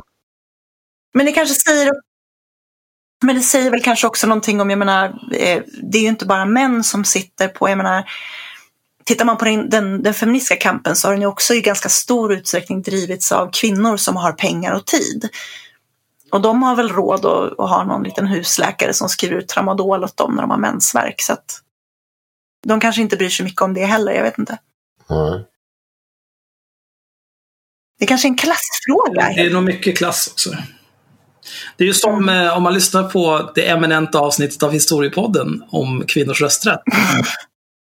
Då lär man sig snabbt att eh, det var ju främst eh, övre medelklass och överklasskvinnor som var intresserade av rösträtt. Men de insåg att de var för få. Så att de Mm. drog med sig arbetarklasskvinnorna och skapade en rörelse. Jo men så är det alltid, för det är de som har tid med det. Jag, som jag sa tidigare, så arbetarklasskvinnorna har ju inte tid att sitta och instagramma sina middagar. De har ju slitit arslet av sig och vill bara dö. Mm. Det är väl klart att de inte har tid att sitta och liksom skriva debattartiklar om att Oj, vi måste få rösträtt. Det är, liksom, det är ett privilegium att ha det. Ja. ja, det kostade. Det gjorde det. Mm. Men om man, om man pratar om det här med att jobba gratis eh, så kan vi också tänka att eh, gratisarbete för kvinnor är ju inte bara under deras eh, arbetsdagar utan det kommer ju även när de kommer hem från jobbet. Och kvinnor i högre utsträckning då förväntas av antingen sin partner eller samhället städa, diska, laga mat, alla de sakerna. Ja. Och det är också en typ av obetalt arbete. Absolut.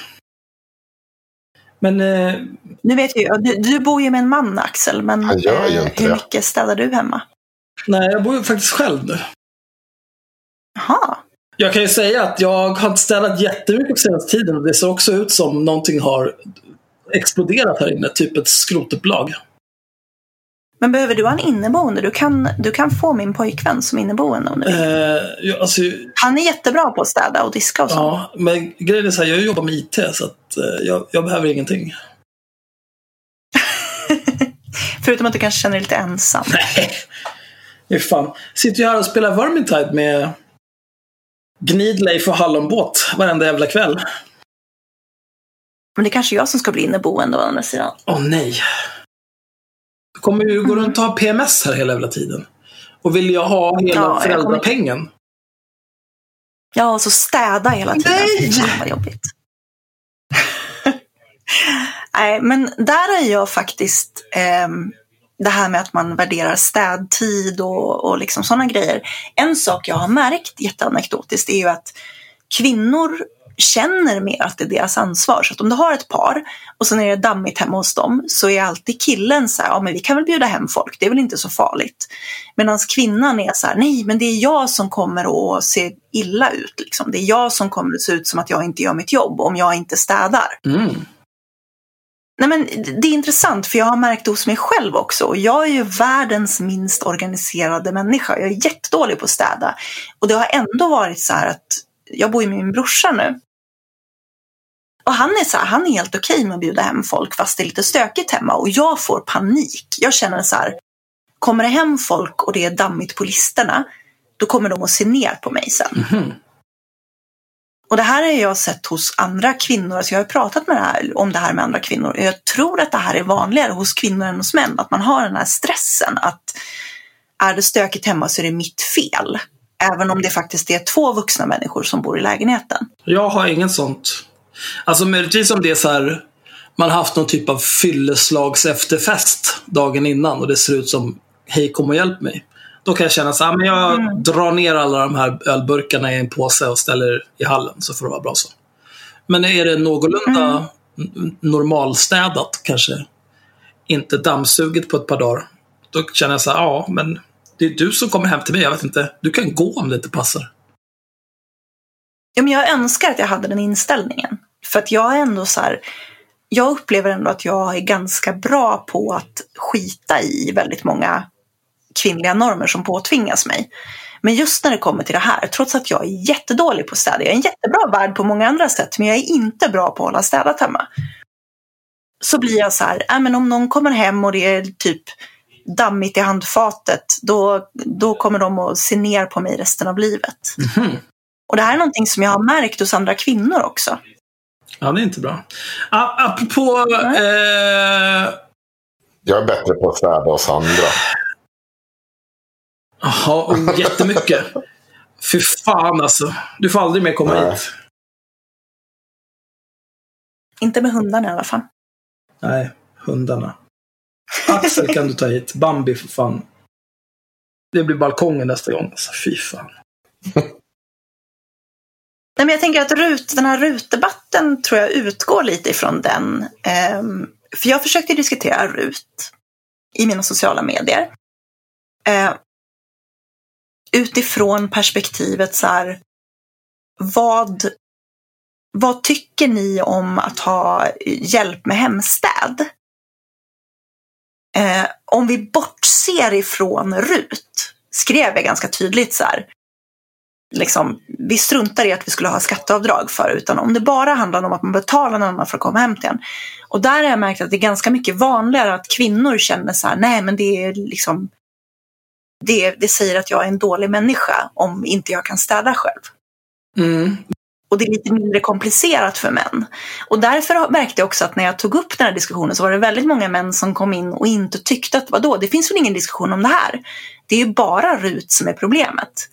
Vilket inte riktigt är fallet för att börjar du diskutera städhjälp i andra sammanhang så blir det väldigt mycket så här, ja ah, men det här är kvinnoförtryck för att det är mest kvinnor som städar och ja man ska inte ha liksom, man ska inte ha, liksom, man ska fan kunna städa sitt eget hus och sådana Ja, grejer. att det är bara kvin- mest kvinnor som städar. Det är bara att göra andra val. Det är inget problem. Välj att bli miljonär istället. Varför gjorde du inte det? Vad dumt! Hur tänkte du nu? Mm. Mm. Men Henrik, skulle du kunna ha städhjälp? Du som är en Eh, god socialdemokrat. det skulle jag väl kunna ha, men jag är ju inte för själva... Alltså, så, jag är ju Ja, hycklare. men det släpper vi ut. Ja, Vi, vi men, skiter i ja, det. ja, det skulle jag absolut kunna ha. Jag har haft städhjälp. Mm. Men problemet med att ha städhjälp är ju inte... Eh, det var, var jag bodde med en kompis någon annanstans. Eh, det var en ganska stor lägenhet. Vi betalade typ 300 spänn i timmen eller någonting. Nej, du betalade mindre. Just det, jag frågade så hur mycket hon tjänade.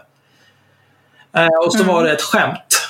Och sen så brukade jag lämna ett kuvert med eh, typ 105. Hon frågade så här hur många timmar det tog. Så, så lämnade jag ett kuvert extra med en, en hundralapp per timme hon hade varit där. Mm.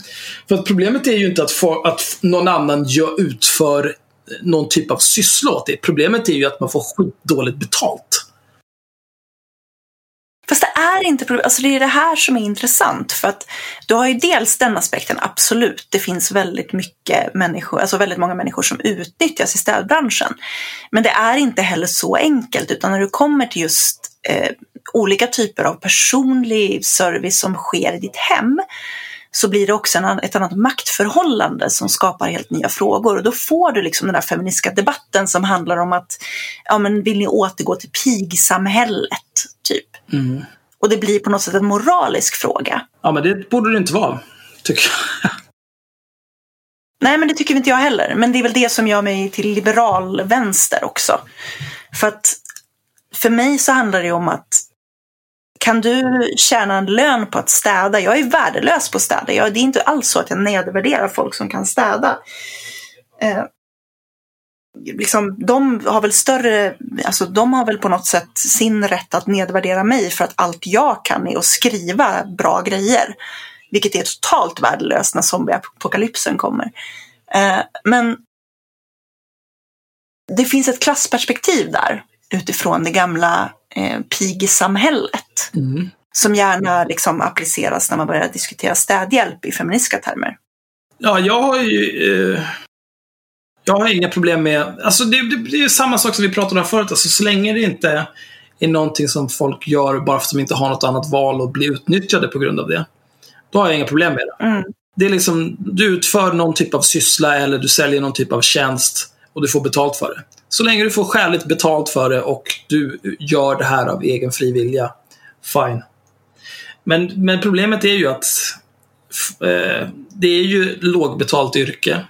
För att det är ett kvinnoyrke. Och för att det traditionellt sett är en kvinnosyssla. Som ingen är intresserad av att betala för.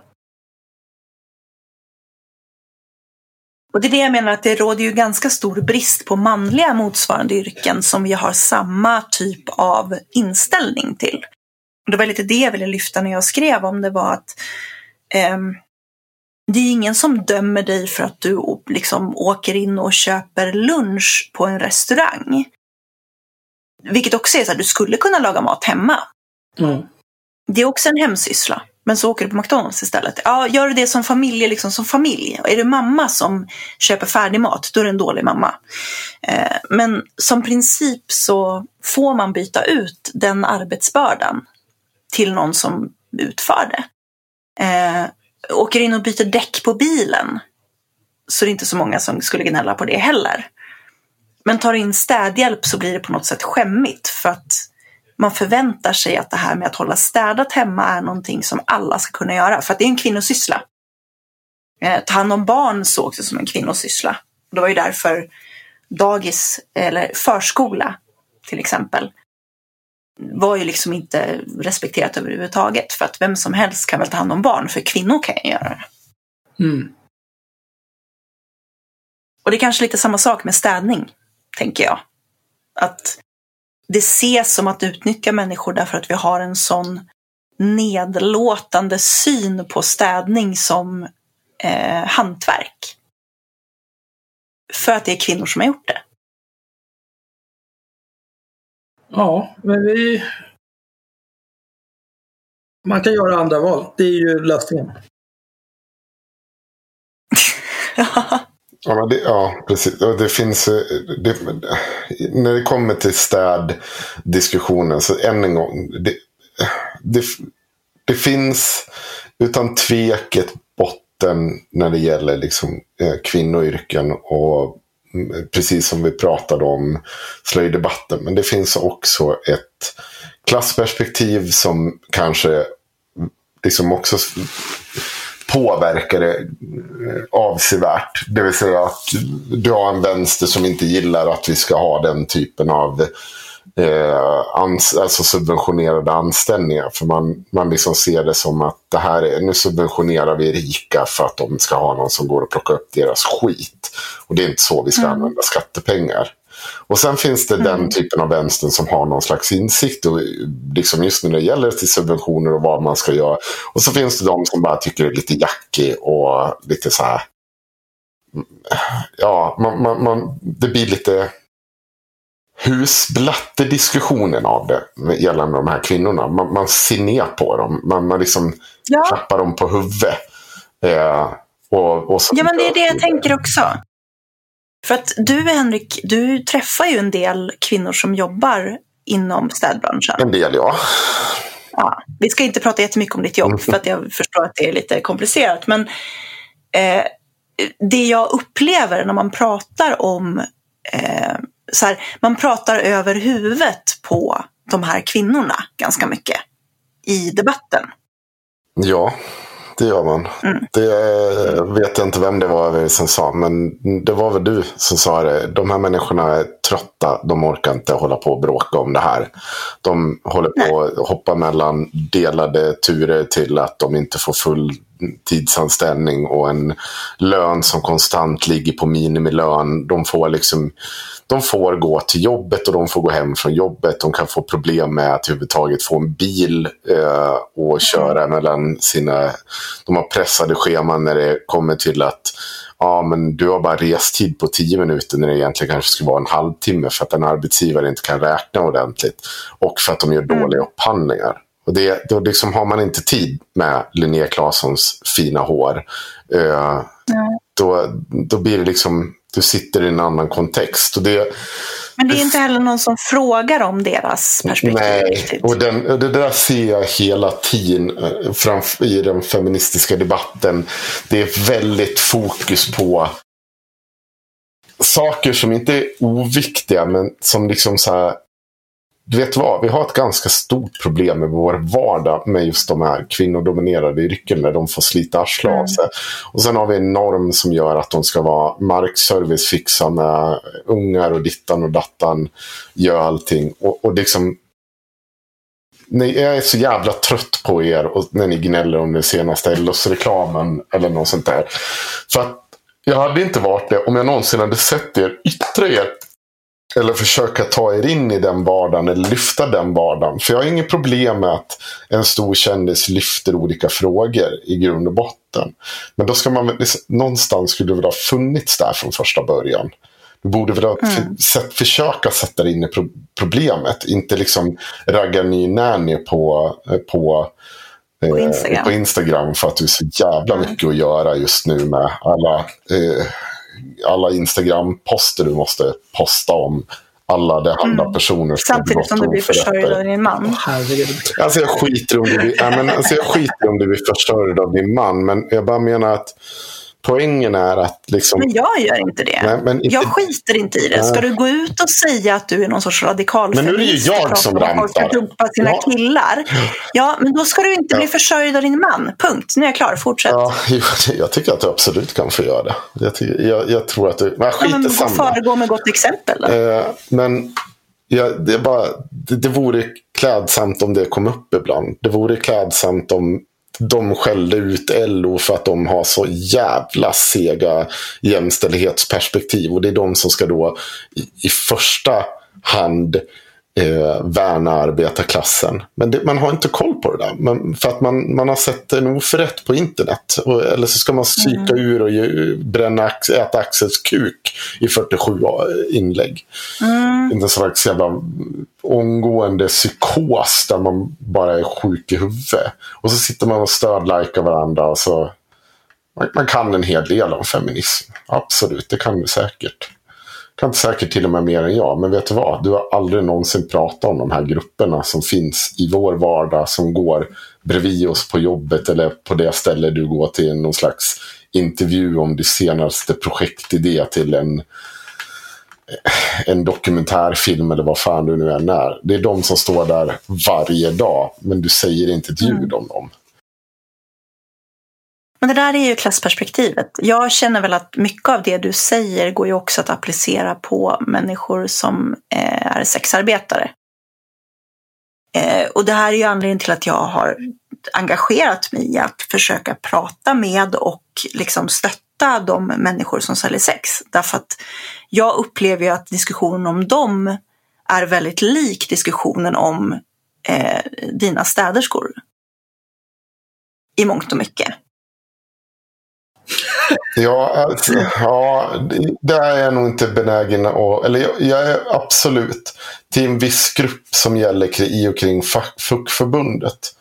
Men jag vet ju inte, jag vet ju inte hur ser det ut för liksom inflygda slavika som står liksom i Göteborg. Som inte gärna kan visa upp sig eller tala eller berätta ja, om sin fina också... vardag i Navid Modiris podd. Alltså... Ja, men de är ju också, de har ju, fackförbundet har ju lyft sådana grejer också. Men vi har ju lagstiftning för det. Nej, men... Mm. Jo, men, men fackförbundet har ju lyft sådana perspektiv också. De har ju mm. inte bara lyft Nej, men jag tycker också att de blir lite den glada horan-diskussionen. Fast det är de ju verkligen inte. Ja, okay. ja, men då, har du, då har du nog inte riktigt kollat på vad de har gjort. För jag lyssnade ju... igenom hennes diskussion, vad heter mm. hon? Uh, och jag tyckte att det var väldigt mycket uh, det glada horan-perspektivet. Fast det är också därför att, därför att det är det som, på samma sätt som jag känner att jag väldigt ofta går ut och bara så här okritiskt försvarar porr. Eh, fast jag egentligen är jättemycket problematiserad med porr det, jag gör ju det därför att det finns inga röster som försvarar det på ett vettigt sätt. Och då känner jag så här, alla säger att det här är dåligt och då behöver jag lyfta det som faktiskt är bra. Sen vet ju jag typ att Emma som du pratar om har varit ganska öppen med att hon har varit utbränd. Hon har varit ganska öppen med att hon inte mår så jävla bra. Eh, så det är inte så att hon försöker göra någon sorts idealbild av att allting är jättefint. Det, det, det tror jag inte att fackförbundet gör heller. De har pratat med Nej men alltså om du går in och tittar, jag kan visa dig sen, men mm. de har ju lyft problematiken just för kvinnor som kommer från till exempel olika, ty olika delar av Balkan och sådär. Eh, som kommer till Sverige för att sälja sex. Mm. Men vi skulle inte diskutera fackförbund. Nej, men då, då är det inte bara så att de lyfter det glada, lyckliga horan-perspektivet. Jag sa att det blev lite mycket lyfta det glada horan-perspektivet. Nej, men jag håller inte med dig. Nej, okay. Jag tycker att de fokuserar snarare väldigt mycket på att sexarbetare är extremt utsatta och mår ganska dåligt för att de är utsatta. Mm. Men det var inte det vi skulle diskutera, utan det, det jag försöker säga är liksom att det finns samma typ av eh, så här, man pratar över huvudet på människor när det kommer till sexarbetare som det gör med städerskor. Alltså att du har en stor grupp människor som är själva i en situation där de aldrig skulle hamna i eh, valet att antingen städa eller sälja sex eller vad det nu kan vara. De vet att de inte behöver göra det och då kan de sätta sig till doms över människor som gör det. Eller prata över huvudet på dem. Mm. Och det tycker jag är ganska tragiskt. Och det är väl liksom enda anledningen till att jag överhuvudtaget har engagerat mig i frågan för sexarbetare är inte för att jag nödvändigtvis tycker att vi ska så här, ha eh, statliga bordeller överallt, för det tycker jag inte. Däremot så tycker jag att om vi ska se eh, sexarbete som ett kvinnoproblem, vilket det är, alltså någonstans är det ett faktum att i samhället vi lever i idag så är det ju fler kvinnor som säljer sex och fler, fler män som köper sex. Och då finns ett maktperspektiv och så vidare. och så vidare. Men att jag har valt att engagera mig i det är ju därför att det är så oerhört få som faktiskt lyfter perspektivet från de här människorna som, eh, som du säger, liksom, som bara försöker få vardagen att gå ihop. Mm. Och försöker föra deras talan. Och där ligger väl min kritik någonstans. Sen tror jag, som Axel var inne på i början, att allt sånt här handlar ju om att skapa ett samhälle där ingen tvingas in i de här valen.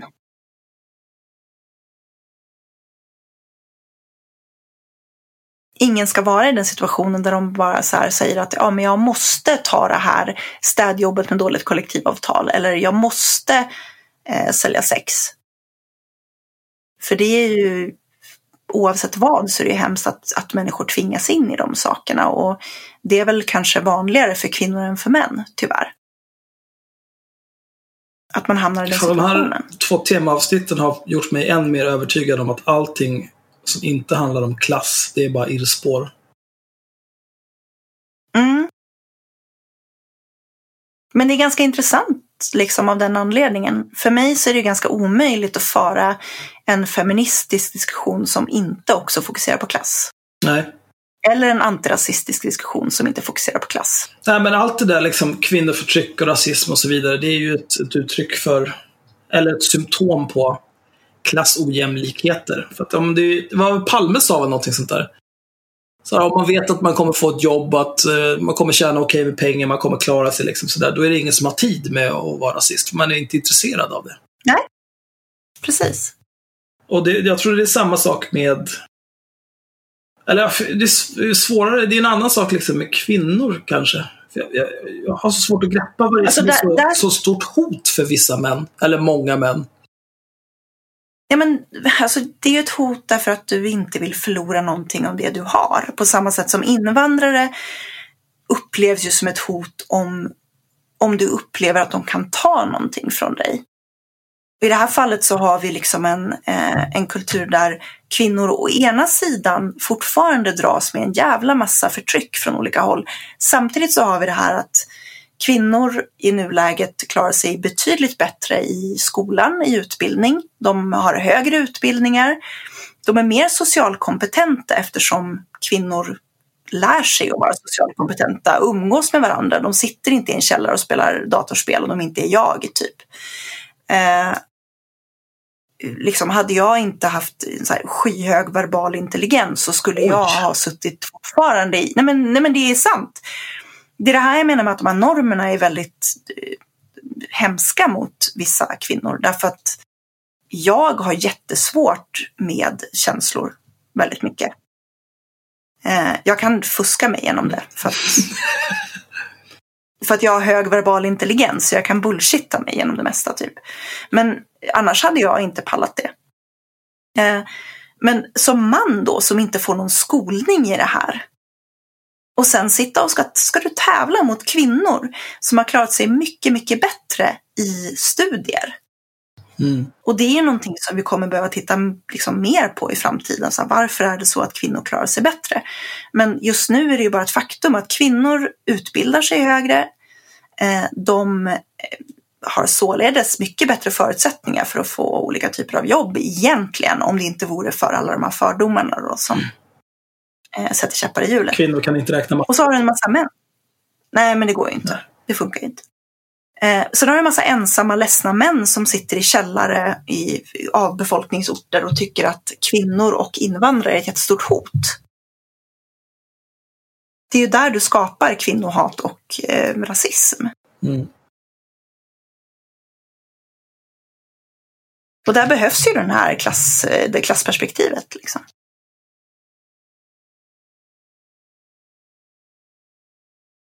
Tänker jag. Ja, jag då. Eh, håller nog med. men jag håller med dig. Alltså, det har varit jätteintressant att prata om så här kvinnoroller och mansroller. Men i väldigt många av de här frågorna så landar vi ju någonstans i att det är, ju, det är liksom kapitalet som bestämmer vem som är mest utsatt. Fan, vi har blivit en jävla kommunistpodd. Ja. Får bjuda in eh, vad heter han? Malcolm. Malcolm. Aldrig. Reda ut det. Nej, det kommer aldrig hända. Han kommer aldrig Men visst ställa upp. Nej, han kommer inte ställa upp. Nej. Malcolm ställer väl säkert upp. Han går med på vad som helst. Nej, inte när han inte får betalt. Jag tror inte han ställer upp för han vet att vi kommer vara jobbiga och det gillar han inte. Han, han tog ju bort mig som vän på Facebook när inte jag var överens med honom. Liksom. Mm. Ja. Malcolm, Malcolm, Malcolm. Ska vi avsluta med att prata om de sämsta kvinnliga egenskaperna då? Mm. Åh nej, vänta, jag har ju först. Mm. Eh, skillnaden i, när det kommer till, eh, eh, vad ska man kalla det? Sexuella hot. Jag skulle kalla det, jag skulle kalla det ett kvinnligt privilegie. Ja, du, För att när du nämnde det där, ska jag prefacea det bara? absolut. med att under metoo-debatten så pratade jag med väldigt många män som satt och rannsakade sitt beteende och var så här oj, jag kanske var lite för pushig den och den gången, du vet. Vilket var bra, för att det bör man göra. Men sen insåg vi också att jag behöver ju inte göra det, för jag är kvinna. Så jag behöver aldrig oroa mig för att jag skulle vara för pushig eller att jag kanske typ tog hem någon för att dricka vin efter en utekväll och sen slängde av mig alla kläder. Liksom. Hade jag varit man så hade det kunnat vara ganska eh, hotfullt. Ja. ja, det hade varit konstigt. Eh, men, men jag behöver inte liksom ens ha den tanken i bakhuvudet. Och det är ju ett kvinnligt privilegie som jag ser det. De finns ju faktiskt. Just den situationen bär väl med sig andra proble- annan problematik. Liksom för att en, en man som blir av, avfärdad sexuellt, det är ju inte, i, det är inte en stor grej. Liksom. Jo, men de kan bli seriemördare. Jo, men om man tänker liksom för eh, den mannens image.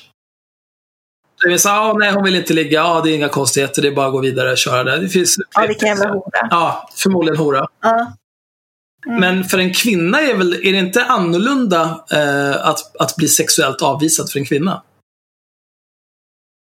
Jo, men det är nog mer för att man inte är van vid det. Ja. Jag har ju blivit det också. Och det var jättenyttigt, för jag blev så här helt chockad. Och sen tänkte jag, fast vänta, det här är inte en stor grej. Eh, Ja, men jag tänkte att det kanske Men- skulle finnas någon så här, jaha, har jag inte tillräckligt eh, childbearing hips eller vad är det för fel på mig eller något sånt där? Nej, men jag tänkte inte så. Men det, det är kanske för att jag är så självgod. Men jag tänkte mest bara att, ja, ja, nej, men det var väl, det var väl fel på honom. Ja, jo. Alltså, för, för min del så Men, kan jag jo. säga att det har nog bara mest varit så här, jaha, okej. Det är bara en grej. Man, man rullar Ja. tärningen tills man slår en sjua. Ja.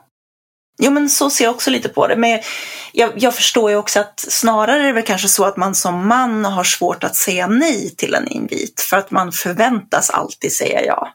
Mm. Och så kan det vara för kvinnor också. I kvinnans fall är det väl mer så här, om jag inte säger ja kanske jag får en smäll på käften. Ja, det är ett problem. Oj, vad grovt det blev helt plötsligt. Ja, men det knyter an till, till det jag ville prata om. Mm. Eh, jag har ju en fangirl, Det var min tanke. eller hade. Eh, en fangirl på Instagram. Maria Engelvinge. Livet alltså. Eh, men hon, har- hon har eh, eh, betett sig osunt och lagt upp videor. Eh, där hon pratar om att hon ska hugga av med kuken och äta den. Och, eh, gjort olika typer av filmatiseringar där hon äter min kuk och så vidare. och så vidare, och så vidare. Eh, och det, ungefär det där var min reaktion varje gång jag tittade på en av de videorna. För jag började följa henne när hon började med det där. Och så likar jag varje gång. Men för mig så, Mm. att eh, det skulle nog inte spela någon roll egentligen om det var en man som skrev samma sak till mig. Men det här är det mest, eh, jag vet inte vad jag ska säga, den bästa speglingen av situationen. En kvinna som skriver till mig att hon ska hugga av med kuken och äta upp den. Det är ju liksom, jag, jag tycker att det är mest lite kul. Mm. Men jag tror att om, om eh, rollerna hade varit omvända och jag hade lagt upp videor på Instagram och sagt så här, ah, hej, hej Maria, hur mår du idag? Här sitter jag och tuggar på dina avhuggna blygläppar. Nu ska jag slita ut din livmoder och steka upp. Heppe. Det hade inte fått lika många likes som hon hade. Ja, väldigt, väldigt, Nej. Nej. Och där har vi ju, alltså, så här, delvis skulle jag vilja säga att det är ett kvinnligt privilegium. Att jag, på samma sätt som jag kan vara extremt mycket mer problematisk och ful i mun än vad någon av er kan vara. För att jag är kvinna. Men någonstans så bottnar det ju i en utsatthet. För det bottnar ju i att jag förväntas inte, alltså Maria Engelving i det här fallet, ingen tror att hon ska faktiskt göra allvar av det här. Så För att jag, är- kvinnor jag är inte helt säker på det. Nej, men det, Nej men om vi pratar om, nej men, nej men den allmänna inställningen är ju så här, en, alltså, det, det är ju ett faktum att kvinnor mördar ju män typ nio av tio gånger och sen mördar kvinnor män en av tio gånger. ja, det är framförallt, Så det finns, det finns, det finns inte den historien av sexuellt våld på det viset från kvinnor riktat mot män. Nej. Så därför blir det lite roligt och det är, det är därför det är svårt att jämställa det också. Eh, även om jag brukar försöka göra det så här, när, någon, när det blir en sån konflikt så brukar jag försöka tänka så här, hur skulle jag reagera om könen var omvända? Men det är inte alltid riktigt Det är rättvist. sällan riktigt rättvist. att Nej, ja, det blir svårt. Ja, men är det liksom på internet så kan det vara rättvist. Är det i verkliga världen så är det inte det. Jag vet att jag bråkade med någon liberal någon gång om eh, så här, det var typ Ja, men det var väl den där klassiska, så här, någon, någon, kassörska, så här, jag, någon kassörska flörtade med mig och så blev jag obekväm. Eh, och så försöker man vända på den och så tänker man så här, om det var en manlig kassörska som satt och flörtade med liksom alla kvinnor, så här, det blir mycket mer hotfullt på en gång. För att det finns ett våldskapital på ett annat sätt.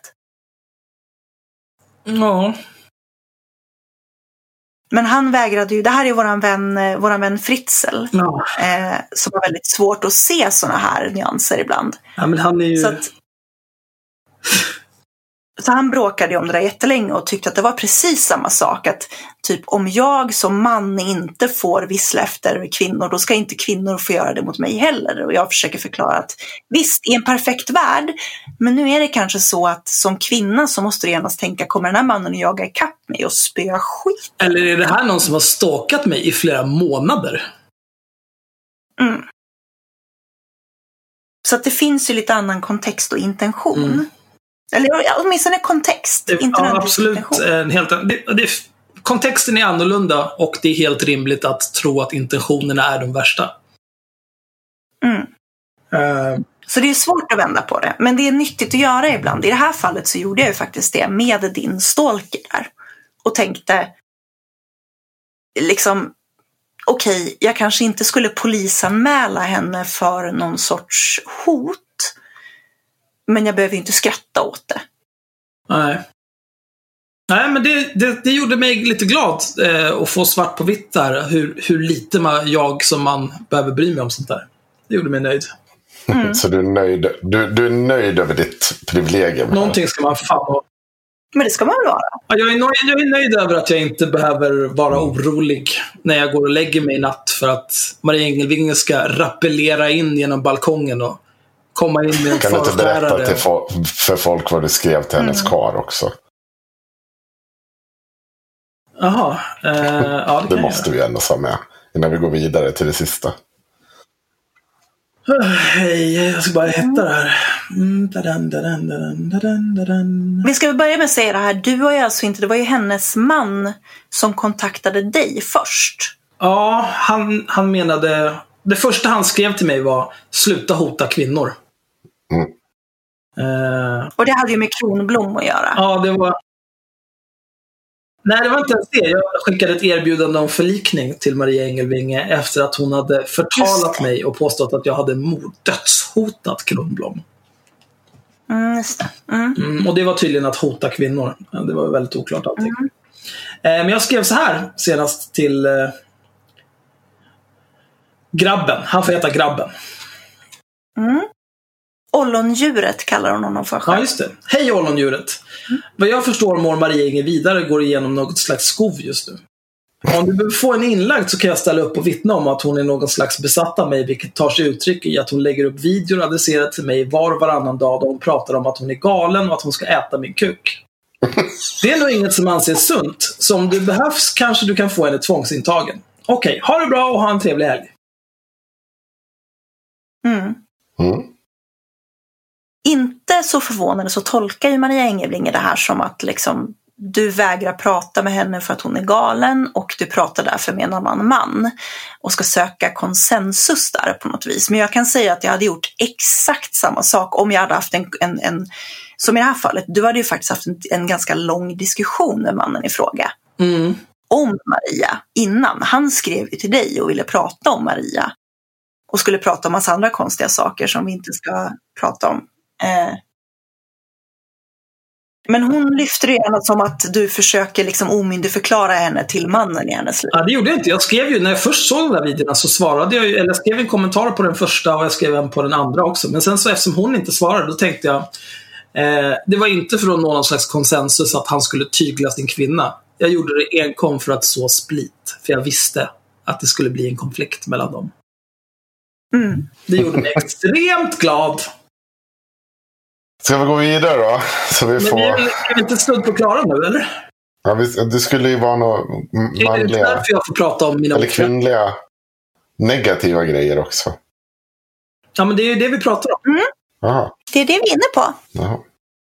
För jag har ju några exempel till då. Ja, kör. Som jag kan lyfta eftersom jag har TF. Oj. Nej, men eh, jag tänker att vi ska avsluta med att prata med några, om, om några av de saker som jag upplever är sjukt destruktivt kvinnliga beteenden. Okej.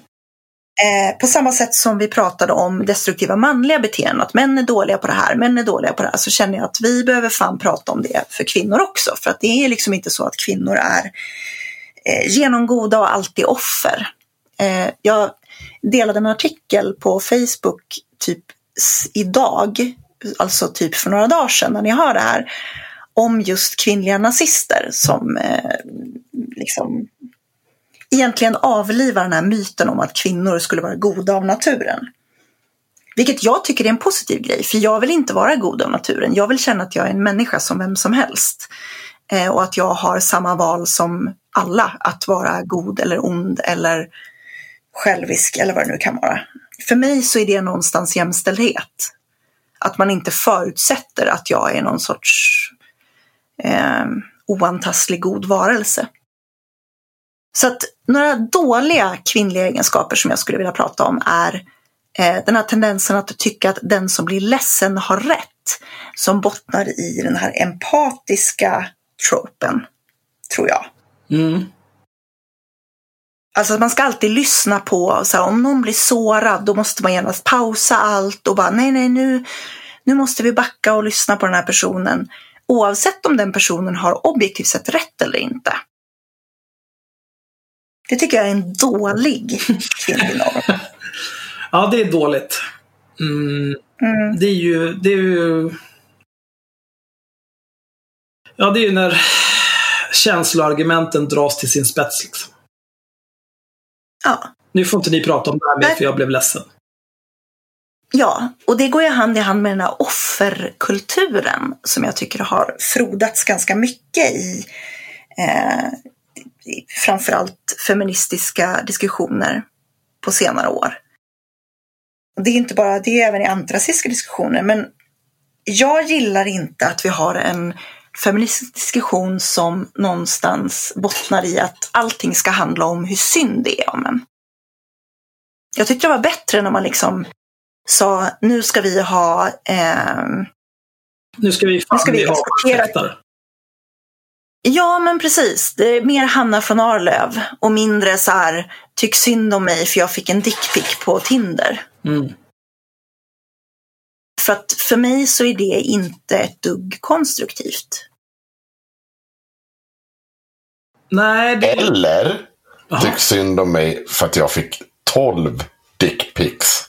Oj. Här är det Mm. zero day-kränkningar. Mm. Mm. Men, men det, det, här, jag tycker att det här är liksom eh, symptomatiskt för en typ av offerkultur som jag upplever som enbart destruktiv för den feministiska diskussionen. Eh, och den stör mig väldigt mycket för att det handlar alltid om så här, vem är det mest synd om? Den personen, den som blir mest ledsen, den har rätt. Så att om vi försöker diskutera typ eh, vi säger eh, städare, alltså man har en städhjälp. Så är det så här, okej, okay, Eh, alla de här eh, städerskorna som är invandrarkvinnor som inte kan språket och inte kan klaga på Instagram, de är det inte synd om. För de kan inte sitta och prata att det är synd om dem. Så att då är det mest synd om den här stackars medelklasskvinnan som sitter och gråter om att hon får så dåligt samvete för att hon har städhjälp. Då är det där debatten ska ligga liksom. Och jag tycker att man kan härröra den eh, synen på kvinnokampen till ganska stora delar av den offentliga debatten idag. Och det tycker jag är dumt.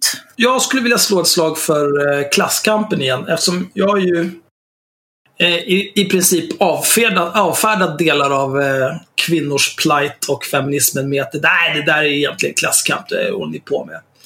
Jag skulle nog säga att den här, det som du menar är en dålig aspekt som är typisk kvinnlig, det skulle jag nog säga också är typisk klasskamp. För det är, det är den satans medelklassen som sitter och har så jävla mycket åsikter hela jävla tiden. Mm. Ja, men alltså absolut. Men, men det blir också lite det här att du kan inte Alltså, du kan inte heller, för det här är någonting som jag bara har sett i feministiska rum. Eh, om du har en diskussion, typ om jag kritiserar en annan feminist, så kan hon alltid vinna debatten genom att säga att hon blir ledsen av det jag säger. Mm. Och då kan inte jag säga någonting sen. För att även om jag ställer en rak fråga, om jag säger så här, Axel, eh, hur, mycket, eh, hur mycket tar du i timmen för ditt, eh, ditt konsultarbete som IT-tekniker? 300 lax. Ja, så säger jag så här, men är det motiverat verkligen? Absolut inte.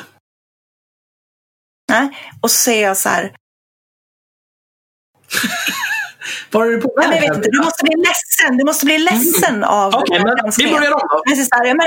ja, Okej, okay, Axel, hur mycket, hur mycket tar du ut i timlön för din konsultverksamhet? Nej, det vill jag inte prata om.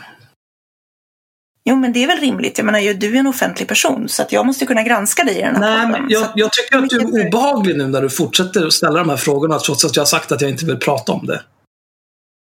Ja, men jag, jag, vill bara ha en siffra. Det är inte någonting obehagligt utan jag försöker bara ställa en rak fråga ja, jag, till dig. Om... Nu, det händer så mycket i mitt liv nu och det är så jobbigt allting och sen så kommer jag hem och möts av det här när jag försöker föra den feministiska kampen framåt. Förstår du inte hur ledsen jag blir av det här? När du beter dig på det här viset mot mig. Ja. Sitter, ni, sitter ni och citerar mina diskussioner nu? Nej, vi citerar eh, en, en symptomatisk, för det är precis så här det blir. Och det, för mig så är det här ett sätt att diskutera som jag tycker är eh, som jag bara har sett i den feministiska sfären och det är så jävla destruktivt för att det innebär att om jag kommer med en fråga och möts av det här så kan inte jag gå vidare. Det spelar ingen roll, jag kanske inte alls har varit otrevlig eller obehaglig eller någonting. Men det går inte att vinna och det går definitivt inte att komma till någon sorts konsensus därför att eh, du, du, fastnar i att jag har ställt en helt rak fråga. Om personen då säger att du är obehaglig eller jag blir ledsen så förväntas du bara backa helt okritiskt och säga okej, okay, ja men stackars dig. Så. Eh, och det tycker jag är farligt. Rent ut sagt. Därför att jag tycker inte att man ska ha rätt att bli ledsen av precis vad fan som helst och att det ska accepteras som ett vettigt argument. Du kan bli absolut bli ledsen om du verkligen har blivit hotad. Om någon har, typ som, liksom, om någon hör av sig till dig och säger jag ska hugga av och äta din kuk så kan du tycka att det är jobbigt och så kan du känna att nej men nu orkar inte jag mer idag för jag har varit tvungen att hantera det här hotet.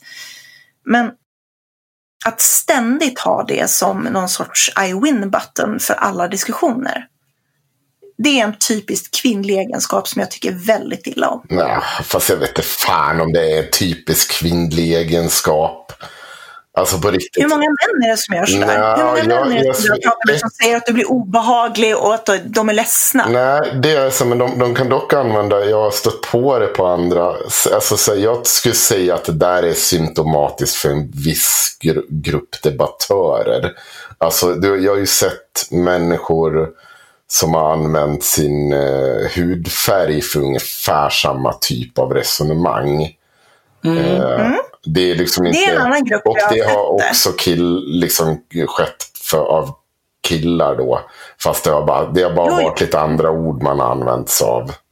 Jo, men alltså, så här, jag skulle säga att det är någonting som kan användas av minoritetsgrupper i sådana fall. Eller utsatta grupper. Alltså du använder din, eh, din utsatta status som en sköld. Liksom.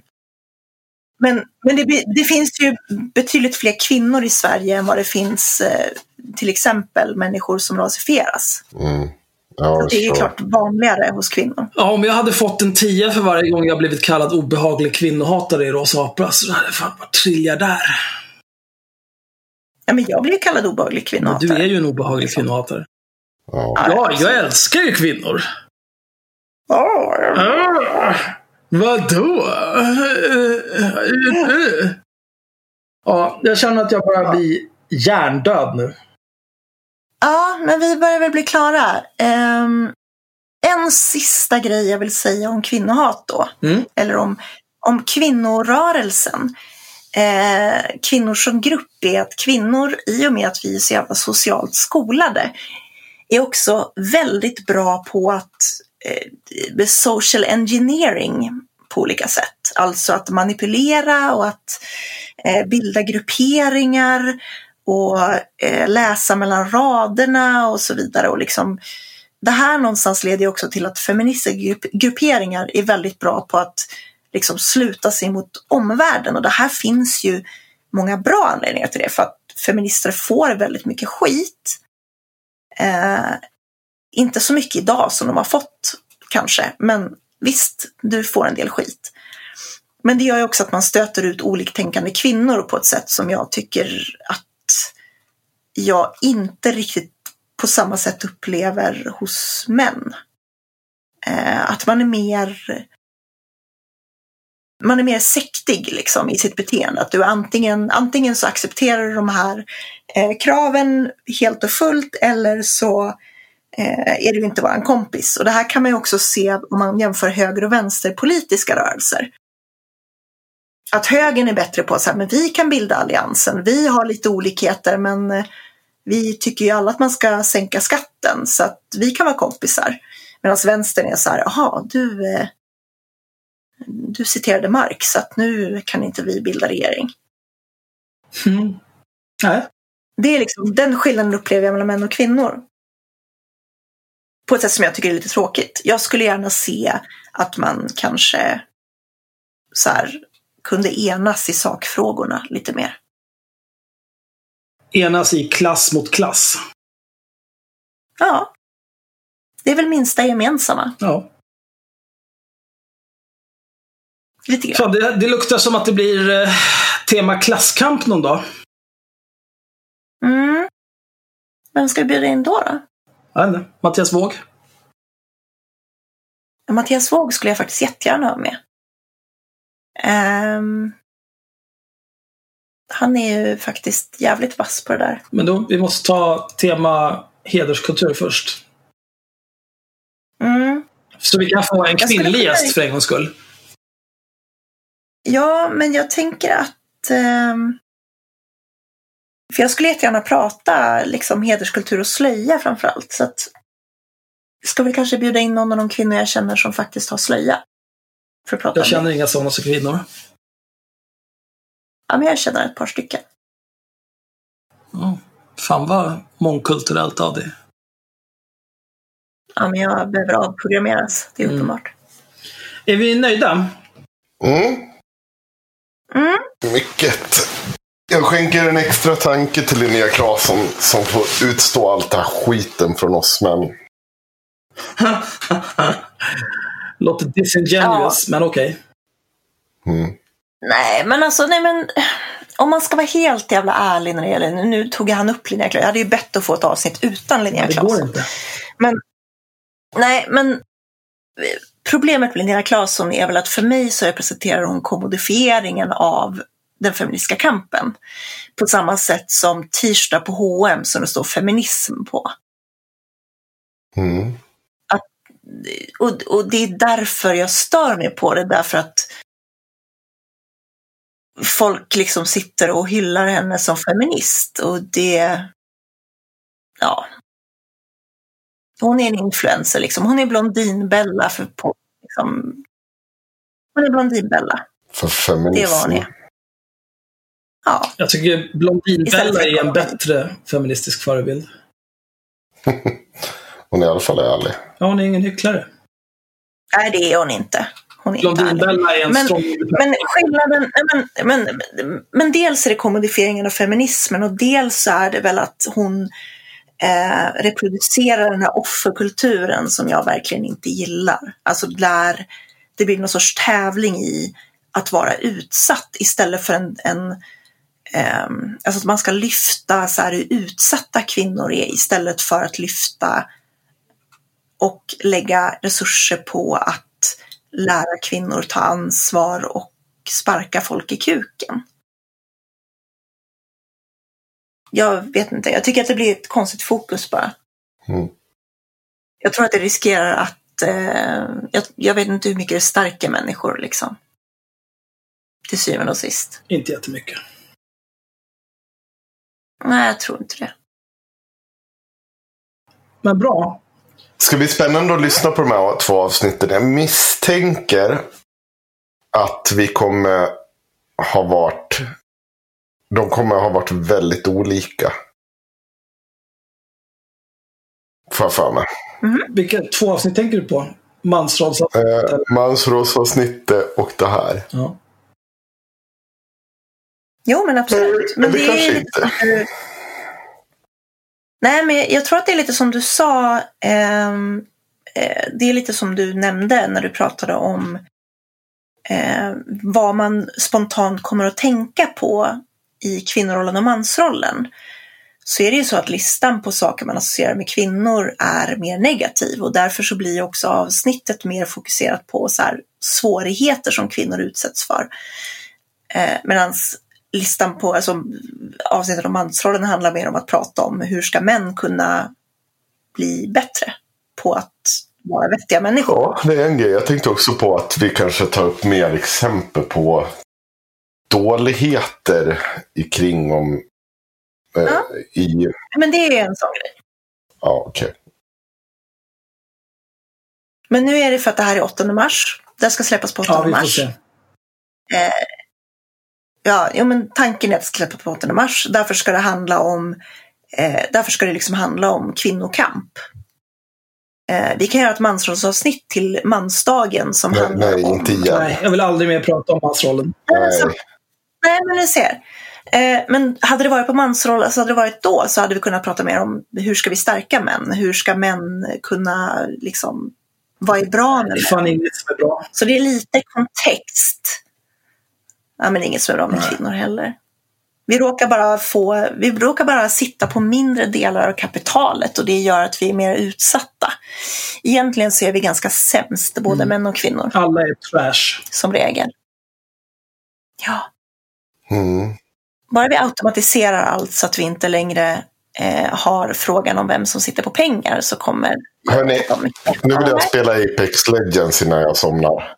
Oj, Nu dålig stämning. ja, så här viktigt är det med kvinnokampen för Henrik det, Johansson. den släpper jag vid första eh, Game of Apex Legends. Det ska ni ha jävligt klart för Mig kan ni inte lita på. Det kommer upp ett spel i näsan på mig. Ja, men nu räcker det. Eh, Ja. jag ska klippa Ja, det på mig och gå och köpa en hamburgare. Ja, men du ska stanna kvar lite efter för jag har en, en nyhet. Nej, men det går inte. Jag måste kissa och gå och köpa en hamburgare. Ja, men jag har en nyhet Jag kommer till. tillbaka sen. Nej, Nej jag kommer inte stanna. Nej, okej. Du är så jävla duktig. Okej, bra. Nu klipper jag här. Nej, men, Kan jag få sluta spela in? Det är okej? Grattis på internationella kvinnodagen! Puss och kram! Jag får inte säga grattis. slå av det här nu. Ja, ja, Jag får be våra lyssnare om ursäkt för att Myra beter sig på det här viset och gratulera på internationella kvinnodagen trots att det är strikt förbjudet. Eh, om det här avsnittet mot all förmodan faktiskt släpps på internationella kvinnodagen så... Good job! Gud, det är som att jobba med folk som ska ha sista ordet. Kampen Mm. går vidare. Kampen går vidare. Den socialistiska kampen. Inte kvinnokampen, för den... Det kommer rage-skitta. Ja. Nej, men gör det då. Det här är som att jobba med dagisbarn. Okej, men nu räcker det. Puss och kram. Hej!